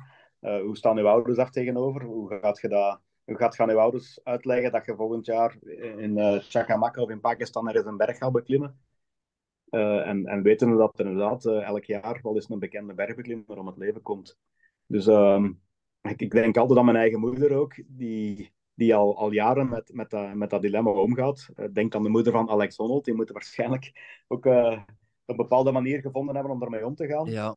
Ah, ik denk dat ze ook niet altijd goed weten wat dat we mee bezig zijn. En, en je kunt al uitleggen zoveel als dat je wilt. Uh, maar ja, ik probeer er altijd vergelijking mee te maken. Hè, van, van, ik zeg altijd, het gevaarlijkste van al dat klimmen is er naartoe rijden met een auto. Of er naartoe vliegen met, met vliegtuig. Um, statistisch gezien valt het wel mee. Uh, mm. En uiteindelijk, je kunt, ook, je kunt ook niet alles onder controle houden. En ik doe dat ook gewoon graag. En dat is ook hetgeen wat de ouders van, van die verongelukte kinderen zeiden. Van kijk, we weten wel dat die mensen omgekomen zijn in een, in een omgeving of in een plaats of met een activiteit waar ze graag mee bezig waren. Ja. Uh, en dat dan een bepaalde geruststelling is. Je gaat dat toch niet kunnen tegenhouden, ook niet. Uh, de moeder van Alex Honnold gaat ook niet zeggen van ja, stop eens met klimmen, want uh, ik vind dat niet leuk dat je dat doet. Mm -hmm. Dus het is een beetje bewustzijn maken, erop voorbereiden ook. Ik heb ook zo mensen moeten leren, of, of, en zeker tegenwoordig, dat als je nu op expeditie gaat, dat je nog altijd off-grid kunt zijn voor een aantal weken en dat geen nieuws goed nieuws is. Dus dat, dat, ik, ik, volg ook alle expedities nog op nu. Hè. Ik ben, ben het point of contact in België via de satelliettelefoon. Mm. Ik stuur dagelijks weerberichten door, ik krijg berichtjes door van hun. We bellen af en toe eens voor raad en daad. Dus er is wel meer, meer bereikbaarheid. En dan hebben we nu WhatsApp-groepjes waarin je de familie op de hoogte brengt van wat er allemaal gebeurt. Um, dus er is, er is wel wat bewustwording rond. Maar, en, en dan nog één ding. Ik, ik, als ik terugdenk aan 2010, uh, eh, onze website, die daar vroeger uh, 200 uh, bezichtigingen per dag had of, of per maand, dat was ineens 15.000 bezichtigingen op een dag. Dan de commentaren dat je in de krant leest van ja, die zotten en uh, ze hebben het zelf gezocht en ze moesten ze maar laten betalen voor hun eigen stomiteit. En dan, de, de doorsnee Jan Modaal die de gazet leest, die, die, weet, die zal dat toch nooit snappen. Waarom dat je gaat klimmen in een gevaarlijke omgeving. Ja, had jij daar nog iets op aan te vullen, Sam? Um, nee, wow, inderdaad. Um, voilà, wat Sanne gewoon zegt, van, dat is voor iedereen persoonlijk. En eh, als je, als je, ja, er zijn mensen die dat niet kunnen, kunnen vatten, maar ja. mm -hmm. uh, ik wou, ik zeggen, wat ik ben even kwijt erop. Maar uh, nee, er zijn mensen die dat inderdaad niet kunnen vatten, ook ouders enzovoort. Uh, maar dat is inderdaad gewoon ja, dan is dat zo. Dan moet je ook gewoon aanvaarden. Uh, Sanne zegt van, ja, dat er pers op dingen... Dat zijn mensen die een mening... Ja, ja, je mensen die graag een mening uh, tonen, een mening, eh, een mening meedelen. is die relevant of niet? dat is dan een vraag. Um, je inderdaad aanhaalt van die lijst. Het is echt wel... Um, ik weet dat ik een tijdje geleden eens een keer een gesprek had met Tim de Robe, die ook aanhaalde. En dat we zo met twee aan het denken waren. En Um, als ik terugreken, denk ik dat ik wel makkelijk om het half jaar of zo nieuws krijg van iemand die ik ken. heb gekend of ken. We gaan niet zeggen dat, dat, dat ik daar altijd goede vriend, echt goede vriend, uh, maar die echt wel eens een keer op een route tegenkwam. Of in het dorp, dat je af en toe eens een keer een mailtje stuurde voor uh, van zeg, wat zijn de condities daar of daar. Dus dat is wel iets bizar eigenlijk um, om om, om, om het half jaar mm. te horen krijgen van die, die persoon is er niet meer. En als je die, zo een hele lijst soms dan ja, denk je wel zo wat in godsnaam hey, zijn we aan het doen? Maar telkens komt er wel terug bij het gegeven van ik doe dit zo graag. Mm-hmm. En het is aan mij persoonlijk, aan mij om te kiezen of dat ik dat wil doen of niet. En in mijn geval moest ik nooit, denk ik, Sanne in mijn coach tegengekomen, had ik mogelijk um, wat KBF-stages gevolgd, maar misschien niet echt erin geraakt. En altijd wel een beetje, um, ja, een beetje meer een bergsport-sympathisant geweest of zo, dan dat ik dat nu zo actief had gedaan. En was ik misschien ook gelukkig geweest, maar dankzij Sanne, en ik zeg iedere dag merci daarvoor, heb ik wel iets um, heel mooi ontdekt. Dat ik nooit meer wil afgeven of zo. Hmm. En ook al zit er een heel donkere zijde aan, met heel veel verlies en heel veel pijn nog altijd. Um, ja, dat wilde niet afgeven of zo. Dat is wel en dat blijft. ja, ah, knap, uh, knap dat je dat zegt. En dat is het dan denk ik dat mijn naaste, mijn familie um, enzovoort allemaal wel, wel weten en begrijpen enzovoort. En dat ook wel terug kunnen geven of zo. Of dat doet mij ook echt denken bijvoorbeeld aan, als je uh, net ook aan, aangehaald van de ouders van. Um, ja, er zijn allemaal verschrikkelijke dingen gebeurd, maar er zijn ook echt mooie dingen uit voortgekomen. De ouders van Anne en zus en broer hebben we goed leren kennen. Um, we zijn ermee op reis gegaan. We hebben toen, um, nu is het al enkele jaar geleden, maar mogelijk zouden we nog wel eens een keer skiën met de vader van Anne of zo. En als je dan ook de vader van Anne hoort vertellen over hoe Anne toen, denk ik, oh, 20, 21 of zo, een beetje op de dool was en niet wist in haar leven wat ze moest doen enzovoort. En dan dat klimmen en dan aan coachproject ontdekt. En, en als je dan... Hij is ook altijd van... Ik heb Anne echt... Hij zegt dat altijd van... Ik heb Anne die twee, drie jaar, ook al was het maar heel kort, maar echt voelen stralen dat ze een passie heeft gevonden enzovoort. En ik heb dat ook al wel teruggekregen van naasten, van we zien dat je een hele grote passie hebt. En dan komt de vraag van, ja, wilde, wilde die passie afnemen of niet? En uiteindelijk denk ik dan wel, en dat komt dan iedere keer wel terug, dat denk ik altijd naaste wel gewoon ergens door maar dat is een persoon zijn passie en, en die wil dat heel graag. En uh, ja, dat gaat er gewoon niet afnemen. En zo beginnen denk ik wel ergens te aanvaarden van, dat die persoon bepaalde risico's wilt nemen. En dan is gewoon, denk dan hoop ik gewoon ook voor de huidige klimmers, en dat is hetgeen wat ik heel erg van besef, denk er echt over na, van wat gaan doen ze. Um, en dat is misschien een beetje cru gezegd of zo, maar soms denk ik ook, um, hey, ik heb nog niet echt een totale mening over, maar als je zo zegt van, ja, als je stopt met klimmen naar een accident, dan denk ik soms van, ja, maar de eigenlijk wel, waren we eigenlijk wel bewust van wat gaan doen waard. Mm -hmm. En dat denk ik dat ik voor mij sowieso, ik ben me heel bewust welke risico's dat ik uh, neem, welke impact dat, dat heeft um, op mijn leven nu, maar ook als het misgaat enzovoort. En ik heb dat voor mijn eigen redelijk hard uitgezocht. En gelukkig denk ik dat ik in een omgeving zit die dat ook heel hard zie en aanvaardt. Wat het allemaal wel mooi maakt enzovoort. Mm dat is iets belangrijk, denk ik, uh, wat je zegt uh, en, en. Nu, dat, dat sportklimmen, klimmen is booming business. Groeit exponentieel, zeker het indoor gebeuren, maar ja. x aantal procent van gaat er toch uh, op de rots geraken. Dat gaat dan veelal sportklimmen zijn. En um, onvermijdelijk dat daar, dat, uh, dat daar uh, een drukkere, massieve, meer mensen op de rots, dat er, dat er toestanden gaan gebeuren. Is dat ook iets, dat, is er ook zo'n verschuiving zichtbaar in dat alpine gebeuren of, of, of dat toerskiën? Of zijn dat ook zaken die meer en meer mensen gaan doen uh, en, en dat groeit? Uh, of is dat minder uh, zichtbaar?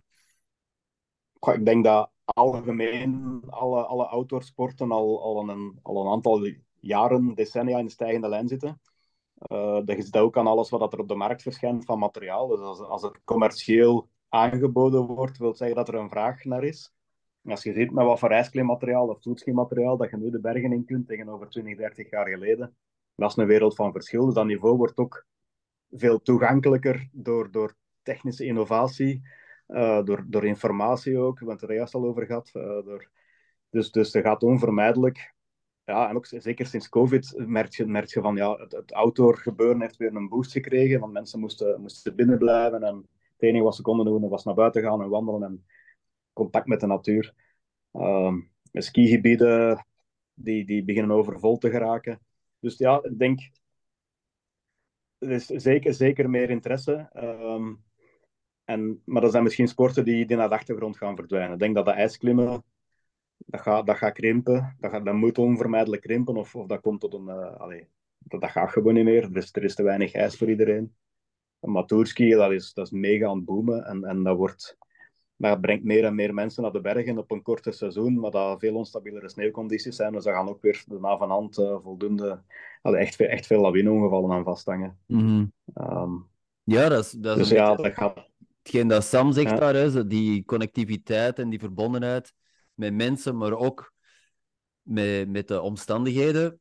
Als dat zoiets, uh, een vluchtig iets is, uh, voor adrenalinekick of gewoon een week gaan tourskiën omdat Jan en alle mannen doen, dan, dan wordt die kans op, ja, op, op ongevallen of, of ja, dat wordt gewoon groter. En, en, of groter misschien niet, maar de, mensen doen dat misschien dan, met, een, met een heel andere insteek.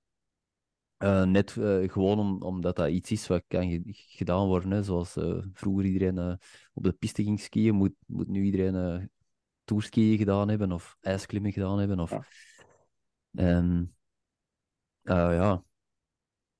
Um... ja alleen, alleen, al, alleen al sportklimmen of zelfs multipitchen, als je ziet, Kalimnos, Leonidia, Leonidio, al, al, die, al die bekende gebieden, uh, finale, dat is propvol volk. Hè. Dat is, ja, uh, het is ook, ja, bestaat, er bestaat een wereld van, van topo's. Uh, ik ben altijd een, een verwoede topo-verzamelaar geweest, maar mijn bibliotheekje van de jaren 90 tegen wat ik nu thuis heb staan, dat is ook exponentieel gegroeid.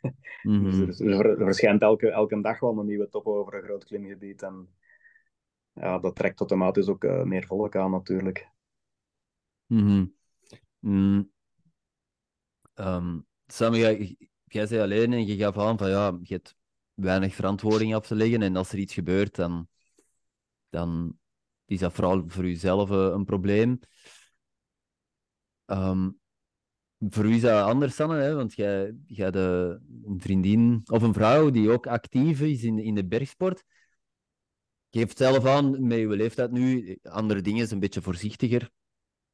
Um, communiceer jij er veel over uh, met Of, of, en, en Sanne, uh, Sam? Doe, babbel jij veel met je ouders? Uh, om, om, niet om voor te bereiden voor als er iets gebeurt, maar ben jij open over die zaken? Van ik doe dit en jij weet hoe dat die er tegenover staan? Of, ik zal beginnen. Hè. Dus, ja. dus ik ben getrouwd met, met Anneke. Anneke zat in mancoach 1. Ja. We waren al een koppel voor, voor mancoach. Er wordt al eens ginnegappend gezegd dat ik mancoach opgericht heb om mijn vrouwenopleiding te geven, maar dat staat er los van. Uh, dus wij zijn, al, wij zijn al twintig jaar samen praktisch. En wij leven al twintig jaar bergsport samen ook. Uh, zij is nu bezig met de gidsenopleiding in Duitsland. Dus wij zijn een puur bergsportkoppel. Dus niet dat we elke dag aan, aan tafel het over klimmen hebben, zeker niet.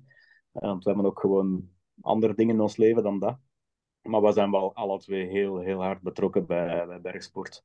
En, en Anne heeft al alles meegemaakt wat ik meegemaakt heb en, en vice versa. Uh, zware ongevallen, mensen verloren.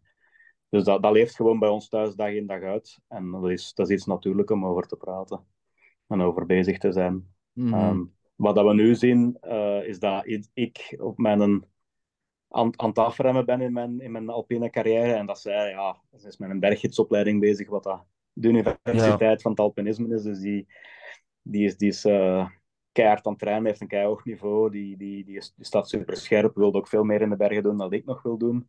Uh, zeker alpien. Dus dat is, uh, dat, dat is nu het verschil tussen ons twee. Hmm. Ja.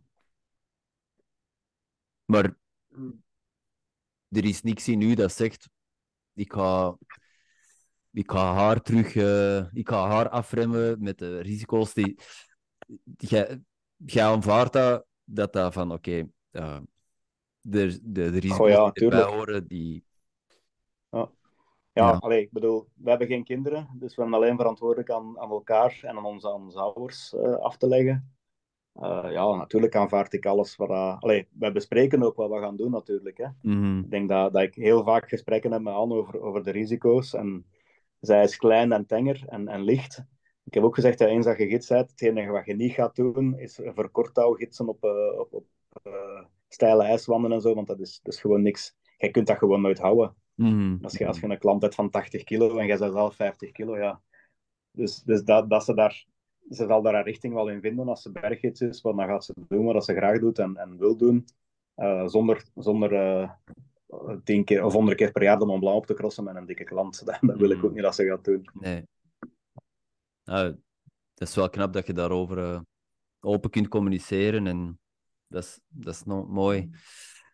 Um, ja, Sam, ik had, ik had dat er net even gezegd van u en uw ouders, dat is omdat, omdat je zei van ja, ik heb goed contact met de ouders van Joris. En, en um, Sanne heeft ook gezegd er straks van ja, als er iets gebeurt, ja, dan moet het wel aan de ouders gaan uitleggen. En het is niet dat die, dat die mount coaches als ze instappen waarschijnlijk een goedkeuring van uw ouders moeten hebben, want die zijn meerderjarig. Maar is dat toch ergens een, een verwachting dat, dat, die, dat die jeugd of, of die, die mount coaches daar open over communiceren met de ouders? Of is dat iets dat... Uh... We vragen. Er is ook... Uh ja, sorry. Er is een ouder infomoment uh, één keer per jaar ook. Dus, mm dus waar dat, uh, er is ook een, een, memorial waar dat de uh, ouders van de overleden man coaches samenkomen met, met een aantal vrienden en, en mensen dat daar rondhangen. En we proberen toch wel die ouders informatie mee te geven, of we laten het via de man coaches zelf. van, kijk, maak ervan bewust waar dat je mee bezig bent. En vertelt wat je moet vertellen. Misschien ook niet te veel. Dus daar wordt ook wel mee... Allee, hoe dat je dat moet tran, allee, het communiceren naar je familie toe, daar wordt wel op ingegaan. Mm Dus uiteindelijk, ja. Ik hoop dat ik het niet te veel, dat ik het niet meer moet doen. Hè. En, uh, iemand gaan zeggen van dat een kind omgekomen is. Nee, nee, absoluut niet. niet nee. Ja. ja, Sam, uh, doe maar. Ah, nee, ik, ik haal het inderdaad aan dat we het zelfs met, denk, met zo de selectieproeven in dat gesprek dat we wel eens een keer gaan al. Van, gewoon niet dat dat ons in... Ja, natuurlijk interesseert het ons, maar niet dat dat een vereiste is een criteria is, maar gewoon wel, gewoon, wat zou, ja, de vraag is een keer openleggen, van wat, zou, wat, wat vinden jullie ouders ervan? Mm -hmm. En ik denk dat dat misschien ook een uitnodiging is naar hun om er inderdaad eens een keer zelf over na te denken en, en er mogelijk over te spreken. Um, ik moet nu ook niet zeggen dat ik uh, met mijn ouders tot in detail bespreek wat ik ga doen. En um, ik kom ook een beetje uit een, een gezin waar dat de regel heel hard leeft van geen nieuws is uh, goed nieuws.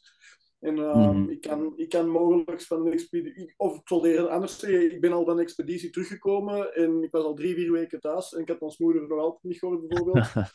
okay. um, dat is een beetje een ander ding. Er, uh, dus um, maar het draait wel rond een soort wederzijdse verstandhouding, die ik ook bij Sanne en Anne, Sanne haalt, nu, haalt het ook aan, maar dat ik ook voel of weet dat er bij u is gewoon, van, er is een dialoog en er is een soort acceptatie van de risico's dat ieder zult nemen en er wordt uh, open over, over gepraat. Um, en voilà, um, ik, ik ja, denk dat we muziek morgen wel met Sanne of zo, we weten ook ergens van, dat gaat de één persoon nog wel doen, de andere persoon niet. En er zoekt met twee, um, eh, als je samen niet doet, dan is het gewoon even samen aftoetsen van wat willen we allebei. Um, daar draait alles een beetje rond, denk ik. En dat is ook iets dat we de huidige maand coaches, en daar voor iedereen eigenlijk gewoon is van wat zie jij zitten, wat zie ik zitten. Um, en zolang je met twee keer met een ja zit, gaat het verder. En maar als één iemand nee zegt, dan, dan, dan, dan draai je terug of zo. En ik denk dat, ja, ik denk, het zou groter zijn moest ik, um, die verantwoordelijkheid zou, die ik draag zou veel groter zijn, um, moest ik kinderen hebben. Maar daarnaast draag ik die ook wel inderdaad naar mijn familie, vrienden enzovoort, voel ik dat ook wel. Um, hey, het, is, het, is, een beetje makkelijk te zeggen, als ik er niet ben, heb ik er geen last van en dat zal ook zo zijn. Mm-hmm. Maar ze moeten wel verder met een, een leegte die ze op zich niet, niet, niet willen of zo. Um, Mm-hmm.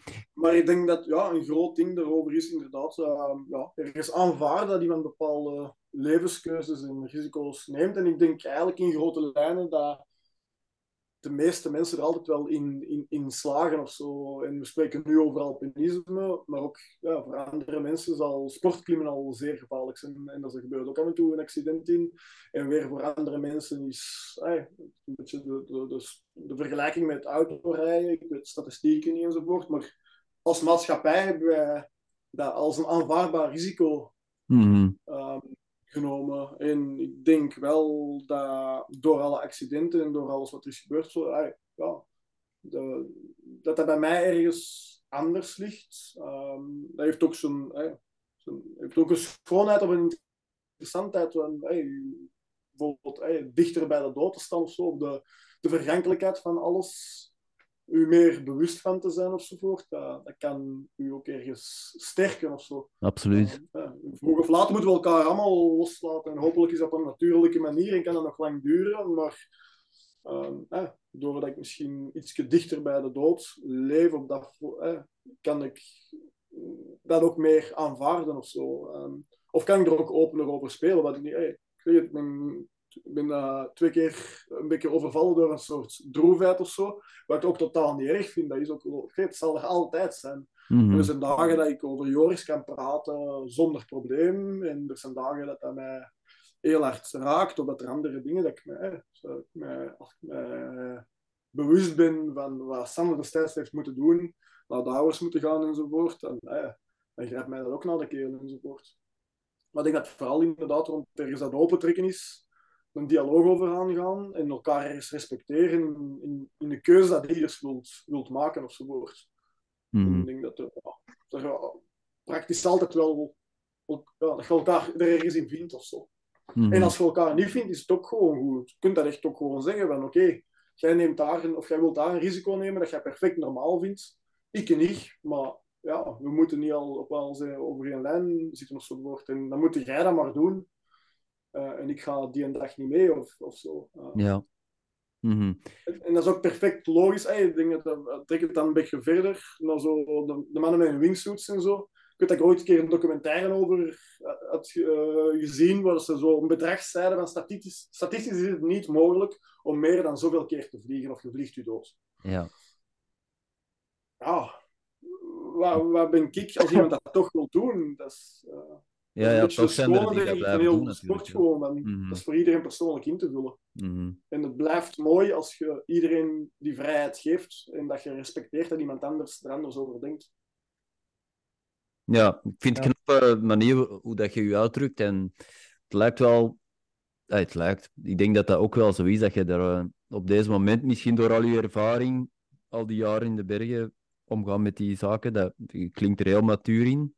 En heel eh, rationeel. eh, met, eh, dus dat is, dat knap hoe dat je er nu tegenover staat. Absoluut. Ehm, wat brengt, de, wat brengt de, de nabije toekomst voor jullie? Als eh afsluitende. Uh, ja, mancoach, stages begeleiden, denk ik. We kijken al uit naar de kerstvakantie. Dat is sowieso gevuld met skiën en tourskiën. En dan de tourski-stage van mancoach komt eraan begin februari. En Sam gaat met hun gaan ijsklimmen in Noorwegen. Waarschijnlijk ook, zoals hem juist al zei, met Jannik gaan skiën met, kerstmis. Dus ja, ik denk dat de agenda voor de komende maanden al niet, niet, niet 100% vast ligt, maar dat er toch al wel veel, uh, veel plannen zijn. En ik denk ook een van de leukste dingen is van het alpinisme is dat vooruitzichten hebben, ze van beginnen dromen van het volgende project. Of van het volgende, het volgende dat eraan komt. Uh, zo van, ik wil heel graag eens in Japan gaan skiën, ik ben er nog nooit geweest. Uh, al, alles, ik wil graag nog eens naar Zuid-Amerika terug, ik ben er al een paar keer op expeditie geweest, maar er zijn, er zijn nog zoveel mooie dingen dat je zegt van, er is altijd wel iets om naar uit te kijken. Mm. En ik denk dat dat misschien wat het leukste is aan, aan de bergsport. Absoluut, ja. Die, ja, knap. Um, dus een honger blijft wel. Absoluut, ja. Mm. Met, met de beperkingen van de dingen die je niet meer kunt. Maar ik zeg altijd tegen iedereen, je kunt alleen maar focussen, of je kunt best focussen op hetgeen wat je wel nog kunt. Ja. En wat dat wel nog mogelijk is. Dus, ja, dat is knap, ja. sowieso. Zeker iets om, uh, om te onthouden. Uh, ja, de, Yannick, jij en Yannick zijn wel eens in uh, Japan gaan skiën, zeker? Hm? wij zijn al twee keer in Japan gaan skiën. Ja. Mogelijk gaan ga Yannick deze winter terug, ik waarschijnlijk niet. Mm -hmm. Ik zou het graag willen, maar ik ben mij eventjes aan het focussen op wat andere dingen. Komt er, ja, eigenlijk, doordat ik ooit een instructeursdiploma heb behaald, had ik wel zoiets van, ja, oké, okay, ik kan hier nu mensen mee begeleiden in clubverband enzovoort. Maar ik dacht wel, dat, ja, er is nog een ander papiertje dat misschien iets interessanter voor mij is. Uh, namelijk uh, berggids. Mm -hmm. en, uh, en ik heb dan ook de jaren nadien wel een paar keer een soort ja, een aanbod gekregen. Um, dat ik heb moeten afslagen doordat ik eigenlijk dat diploma niet heb. En dat heeft inderdaad zo toch wel een beetje getriggerd. En ja, ik ben mij nu een beetje aan het toewerken. En het grootste obstakel daarin is uh, dat skiën. Ook al uh, sta ik heel heb ik de afgelopen jaren heel veel op mijn latten gestaan. Mhm. Dat is duidelijk niet genoeg. Ehm, dus ik ben mij daar een beetje op aan het toespitsen. Ik ga deze winter heel veel skiën. Um, de afgelopen jaren, ik ben er al drie jaar naartoe aan het werken. En hopelijk ehm, lukt dat. ja, ik ga dat nu ook niet jaren blijven proberen. Ik ben 38 tegen dat ik die opleiding binnen geraak. En dan nog doorgeraak. Uh, het is ook niet de bedoeling dat ik op mijn 50 of 60 uh, een gidsendiploma heb, want daar heb ik ook niet veel mee. Mhm. Maar ik wil toch even er uh, mij op focussen. En ehm, ja, er, is wel, er nu heel veel tijd in, want ja, ze zijn veel weg, dus ik moet ook wel compenseren met heel veel werk. Um, op andere momenten. Um, ja, dus dat is een beetje de hoofdfocus van deze winter. Ja, Daarnaast knap... inderdaad... Ja, sorry? Knap project waar je mee bezig bent. Ja, ja kijk er echt wel naar uit. En daarnaast zie ik mijn eigen wel, wel blijvend alpine stages doen. Um, de, ja, voor plezier skiën. Mm. Um, iets meer, dat zal sowieso ook nodig zijn. Ik ben nu erg aan toe um, spitsen op de sneeuw. Maar in, uh, tot skiën. Maar eens dat ik denk de wintertesten uh, binnen ga, ga ik ook nog serieus in, in actie moeten schieten voor, uh, op rots en zo. En dat gaat denk ik een blijvende geven of zo, maar dat ja, het is nu even voor de winter vooral nu. Um, en dan, ja, daarnaast zie ik mij dus nog wel aan het coachstatus geven, blijvende dingen. Ik zou terug wel ook meer, als er meer tijd en ruimte voor is, um, terug op expedities willen. Um, ik, had zo, zo vroeger aan een ritme van één expeditie per jaar. En moest dat op een dag ooit Um, ja, dan zou ik er wel heel blij mee, mm. mee, zijn of zo, want dat is nog altijd wel iets. Ja, uh, dat is een ja, manier van reizen. Je gaat iets klimmen, maar dat is veel meer dan klimmen. Uiteindelijk, als je het een maand weg bent, je telt je klimdagen op, dan heb je misschien zeven dagen geklommen en voor de rest zijn dan een ook van een land gereisd en, enzovoort. Je met, met bende vrienden op stap. Uh, hey, dat, is, dat, is, dat, is, veel meer dan, dan puur dat klimmen ofzovoort. Um, ik zit altijd een beetje met ja, een vraag rond uh, in, in, dat accident met Joris. Uh, niet een specifieke vraag, maar ik zou er ergens graag terugkomen. Toen ik met Maxime naar Alaska ging in 2014, was ook zo het idee van kom, we gaan hier iets klimmen dat ons heel erg uitdaagt. En als er daarna nog tijd rest en we kunnen mogelijk die route toch eens een keer proberen, die toen mm. Joris probeerde, dan, dan, gaan we dat doen. Uh, en dan ziet dat, dat, dat wel blijft knagen. Of zo. Dat voel ik echt ieder jaar um, rond eind mei, begin juni dat ik echt wel naar ginder toe word getrokken of zo. Dus ik hoop op een dag daar eens een keer terug te geraken. Ik zou heel graag gewoon eens een keer de Cassine uh, doen, klimmen. Um, ook gewoon voor mijn eigen misschien. Ja, ik heb het gevoel dat, ik, dat daar dingen, ja, dat ik daar dingen heb achtergelaten mentaal of zo. Maar ik aan hey, dat is redelijk heftig geweest, die periode. En ik heb zo vaak het gevoel dat ik er mij emotioneel van bepaalde dingen heb afgesloten of zo. En dan wel nieuwsgierigheid van wat zou dat mij, mm -hmm. met mij doen als ik daar echt terug op die plek ben of zo. Uh, dat ik dat ook blijft spelen, maar ja, dat is, ja, moet vaak keuzes maken. Um, als ik dan in mei een maand weg wil, uh, dat gaat niet voor deze zomer zijn, maar als ik in juni scherm moet staan op rots, wat voor mij echt dan wel ook wat werk nodig heeft, dan moet ik niet um, in mei weg uh, uh, ja. in Stevenijs gaan zitten. En sowieso ook, ik klim heel graag enzovoort, maar ik ben ook echt graag thuis. Het ging er straks even met Sander over. Een reden waarom dat ik niet in de Alpen woon, is omdat ik ook wel heel veel waarde hecht aan mijn, mijn basis hier. Mm -hmm. In België, vrienden enzovoort. En als ik lang weg ben, dan hunker ik ook. Ik heb die afwisseling echt nodig. En ik denk dat ik niet gelukkig zou zijn moest ik permanent in de Alpen wonen, want ik zou volgens mij veel vrije tijd, in plaats van te gaan klimmen, zou ik opdoen om vrienden te gaan bezoeken in Ja. België. Dus ehm daarmee ook, als ik de lange tijd weg ben, dan hunker ik ook om terug even naar, naar huis te komen of zo. Ja.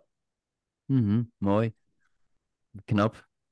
Ehm, ja, en je zult ongetwijfeld vroeg of laat wel terug eh, in Alaska geraken. Hè? Dat denk ik wel, ja. Ja, oké. Heel chic. Ehm, zie, voilà. Deze, eh, deze blok zit er ook eh, weer al bekend op. Tijd vliegt echt. eh. merci, merci voor deze, ah, dit lange gesprek. En ik vermoed dat we elkaar nog wel eens zullen aanschrijven en, en horen om, om op bepaalde zaken dieper in te gaan. Dat lijkt me Ja. dus echt, echt boeiend. absoluut. Dus als jullie daarvoor openstaan, dan, dan Zeer zeker. Ja. Nog een, Ik denk, denk dat we alle twee nog, een, een, nog, nog voor een tiental podcastverhalen hebben. Maar Ja, we hebben nu al gemerkt hoeveel tijd dat we hier- hierover kunnen praten. Ehm, ik, denk, ik denk dat het leuk is dat we het Mount Coach verhaal naar voren hebben kunnen brengen. mhm. Ehm, maar er zit zeker nog meer achter. Ja, het is 20 jaar alpinisme, voor mij 33 jaar ondertussen. ja, In, eh, veel ervaring, veel verhalen. Hoogten en Absoluut, laagtes. eh. Maar, maar het blijft, blijft een wondermooie sport. Mhm, absoluut. Ja, en, en veel onbekende zaken voor mij, disciplines. En we hebben een aantal zaken aangeraakt, maar zeker niet eh, in de diepte. Dus ehm, nou ja, super boeiend. Zeker en vast. Ehm, fantastisch. Ja. Ehm, oh ja, Mount Coach. Dus al die de, de verslagen van jullie klimtrips, worden, die, wordt er nog eigenlijk van elk, elke eh, stage een, een verslag opgemaakt en op de website geplaatst? Of is dat minder courant nu? Ik vrees dat de website wel aan het eh, wegkwijnen is. Eh, er is wel een Mount Coach kanaal op, eh, ik denk op Facebook. Ik ben zelf niet meer op Facebook te vinden, maar eh, Instagram zeker. En er moet, bij- een van de engagementen is dat ze een artikeltje in de, in de Monte moeten publiceren voor, eh, van, van elke stage of, of expeditie. Mhm, Ja. mhm. De, en de Monte is ook het kanaal om, eh, niet dat jullie tekort hebben aan, aan aanmeldingen, maar mensen die geïnteresseerd zijn, dat zijn meestal vinden ze de weg via die, via die geëikte kanalen van, eh, vanuit de KBF of, eh, of zijn er ook... Dat weet ik eigenlijk niet. Ja. Eh, ik, ik, het, ja, het, is, het is de wereld van de social media nu. Ik, denk, ik krijg Mhm. vaak een mail van: hey, man coach, wat is dat? Ik wil mij aanmelden. En dan die hebben geen, geen flauw idee van wat dat eigenlijk is. Dus ik weet ook niet zelf, en ik ben niet zo goed online, in hoeverre dat al die informatie makkelijk terug te vinden is. Dus Mhm. ben een beetje Ja. van het vorig millennium, dus niet, niet met digitale wonderen opgegroeid. Ik zal de, de Insta's en de Facebooks en de, de websites en zo vermelden in de show notes.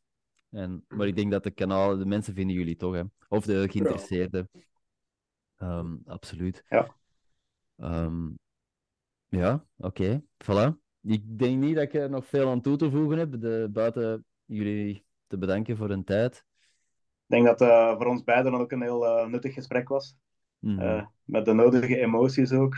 Ja, Dus het is, het is mooi. bedankt Sam ook om, eh, om de, Dat ah, zo open te, te Ja, communiceren. dat, dat is graag gedaan. Dat, is iets, eh, goed, eh, dat doe ik al, eigenlijk altijd graag. Ik vind dat belangrijk ook, want ik denk dat in onze maatschappij iets te weinig over eh, gesproken wordt of zo. Ehm, Mhm. Ik neem die kans ook altijd. En je merkt dat soms dat mensen dat ook niet durven vragen of zo. Dat ik dan echt zelf voortouw neem, maar, maar vraag maar door. Dat is oké. Oké. Ja. Nee, nee. Oké. Ik heb het al gezegd. Ik ga zeker nog contact opnemen voor een vervolg. Ook met u, Sam, om, om zoiets misschien eh, in te duiken in, in iets van wat jij hebt meegemaakt. Of, of zeker eh, die zware beklimmingen. Dat, dat spreekt Ja. sowieso tot de verbeelding en dat mag ook eh, gehighlight worden. Dus eh, nee, goed. Merci, mannen. Ja, jij ook. Zeker dat. Fijne avond nog. Doe dat goed, Ginder, op alle verschillende bestemmingen. Dank je. Ja, ja. Alright. Cheers. En geniet van de avond. Cheers. Bye bye.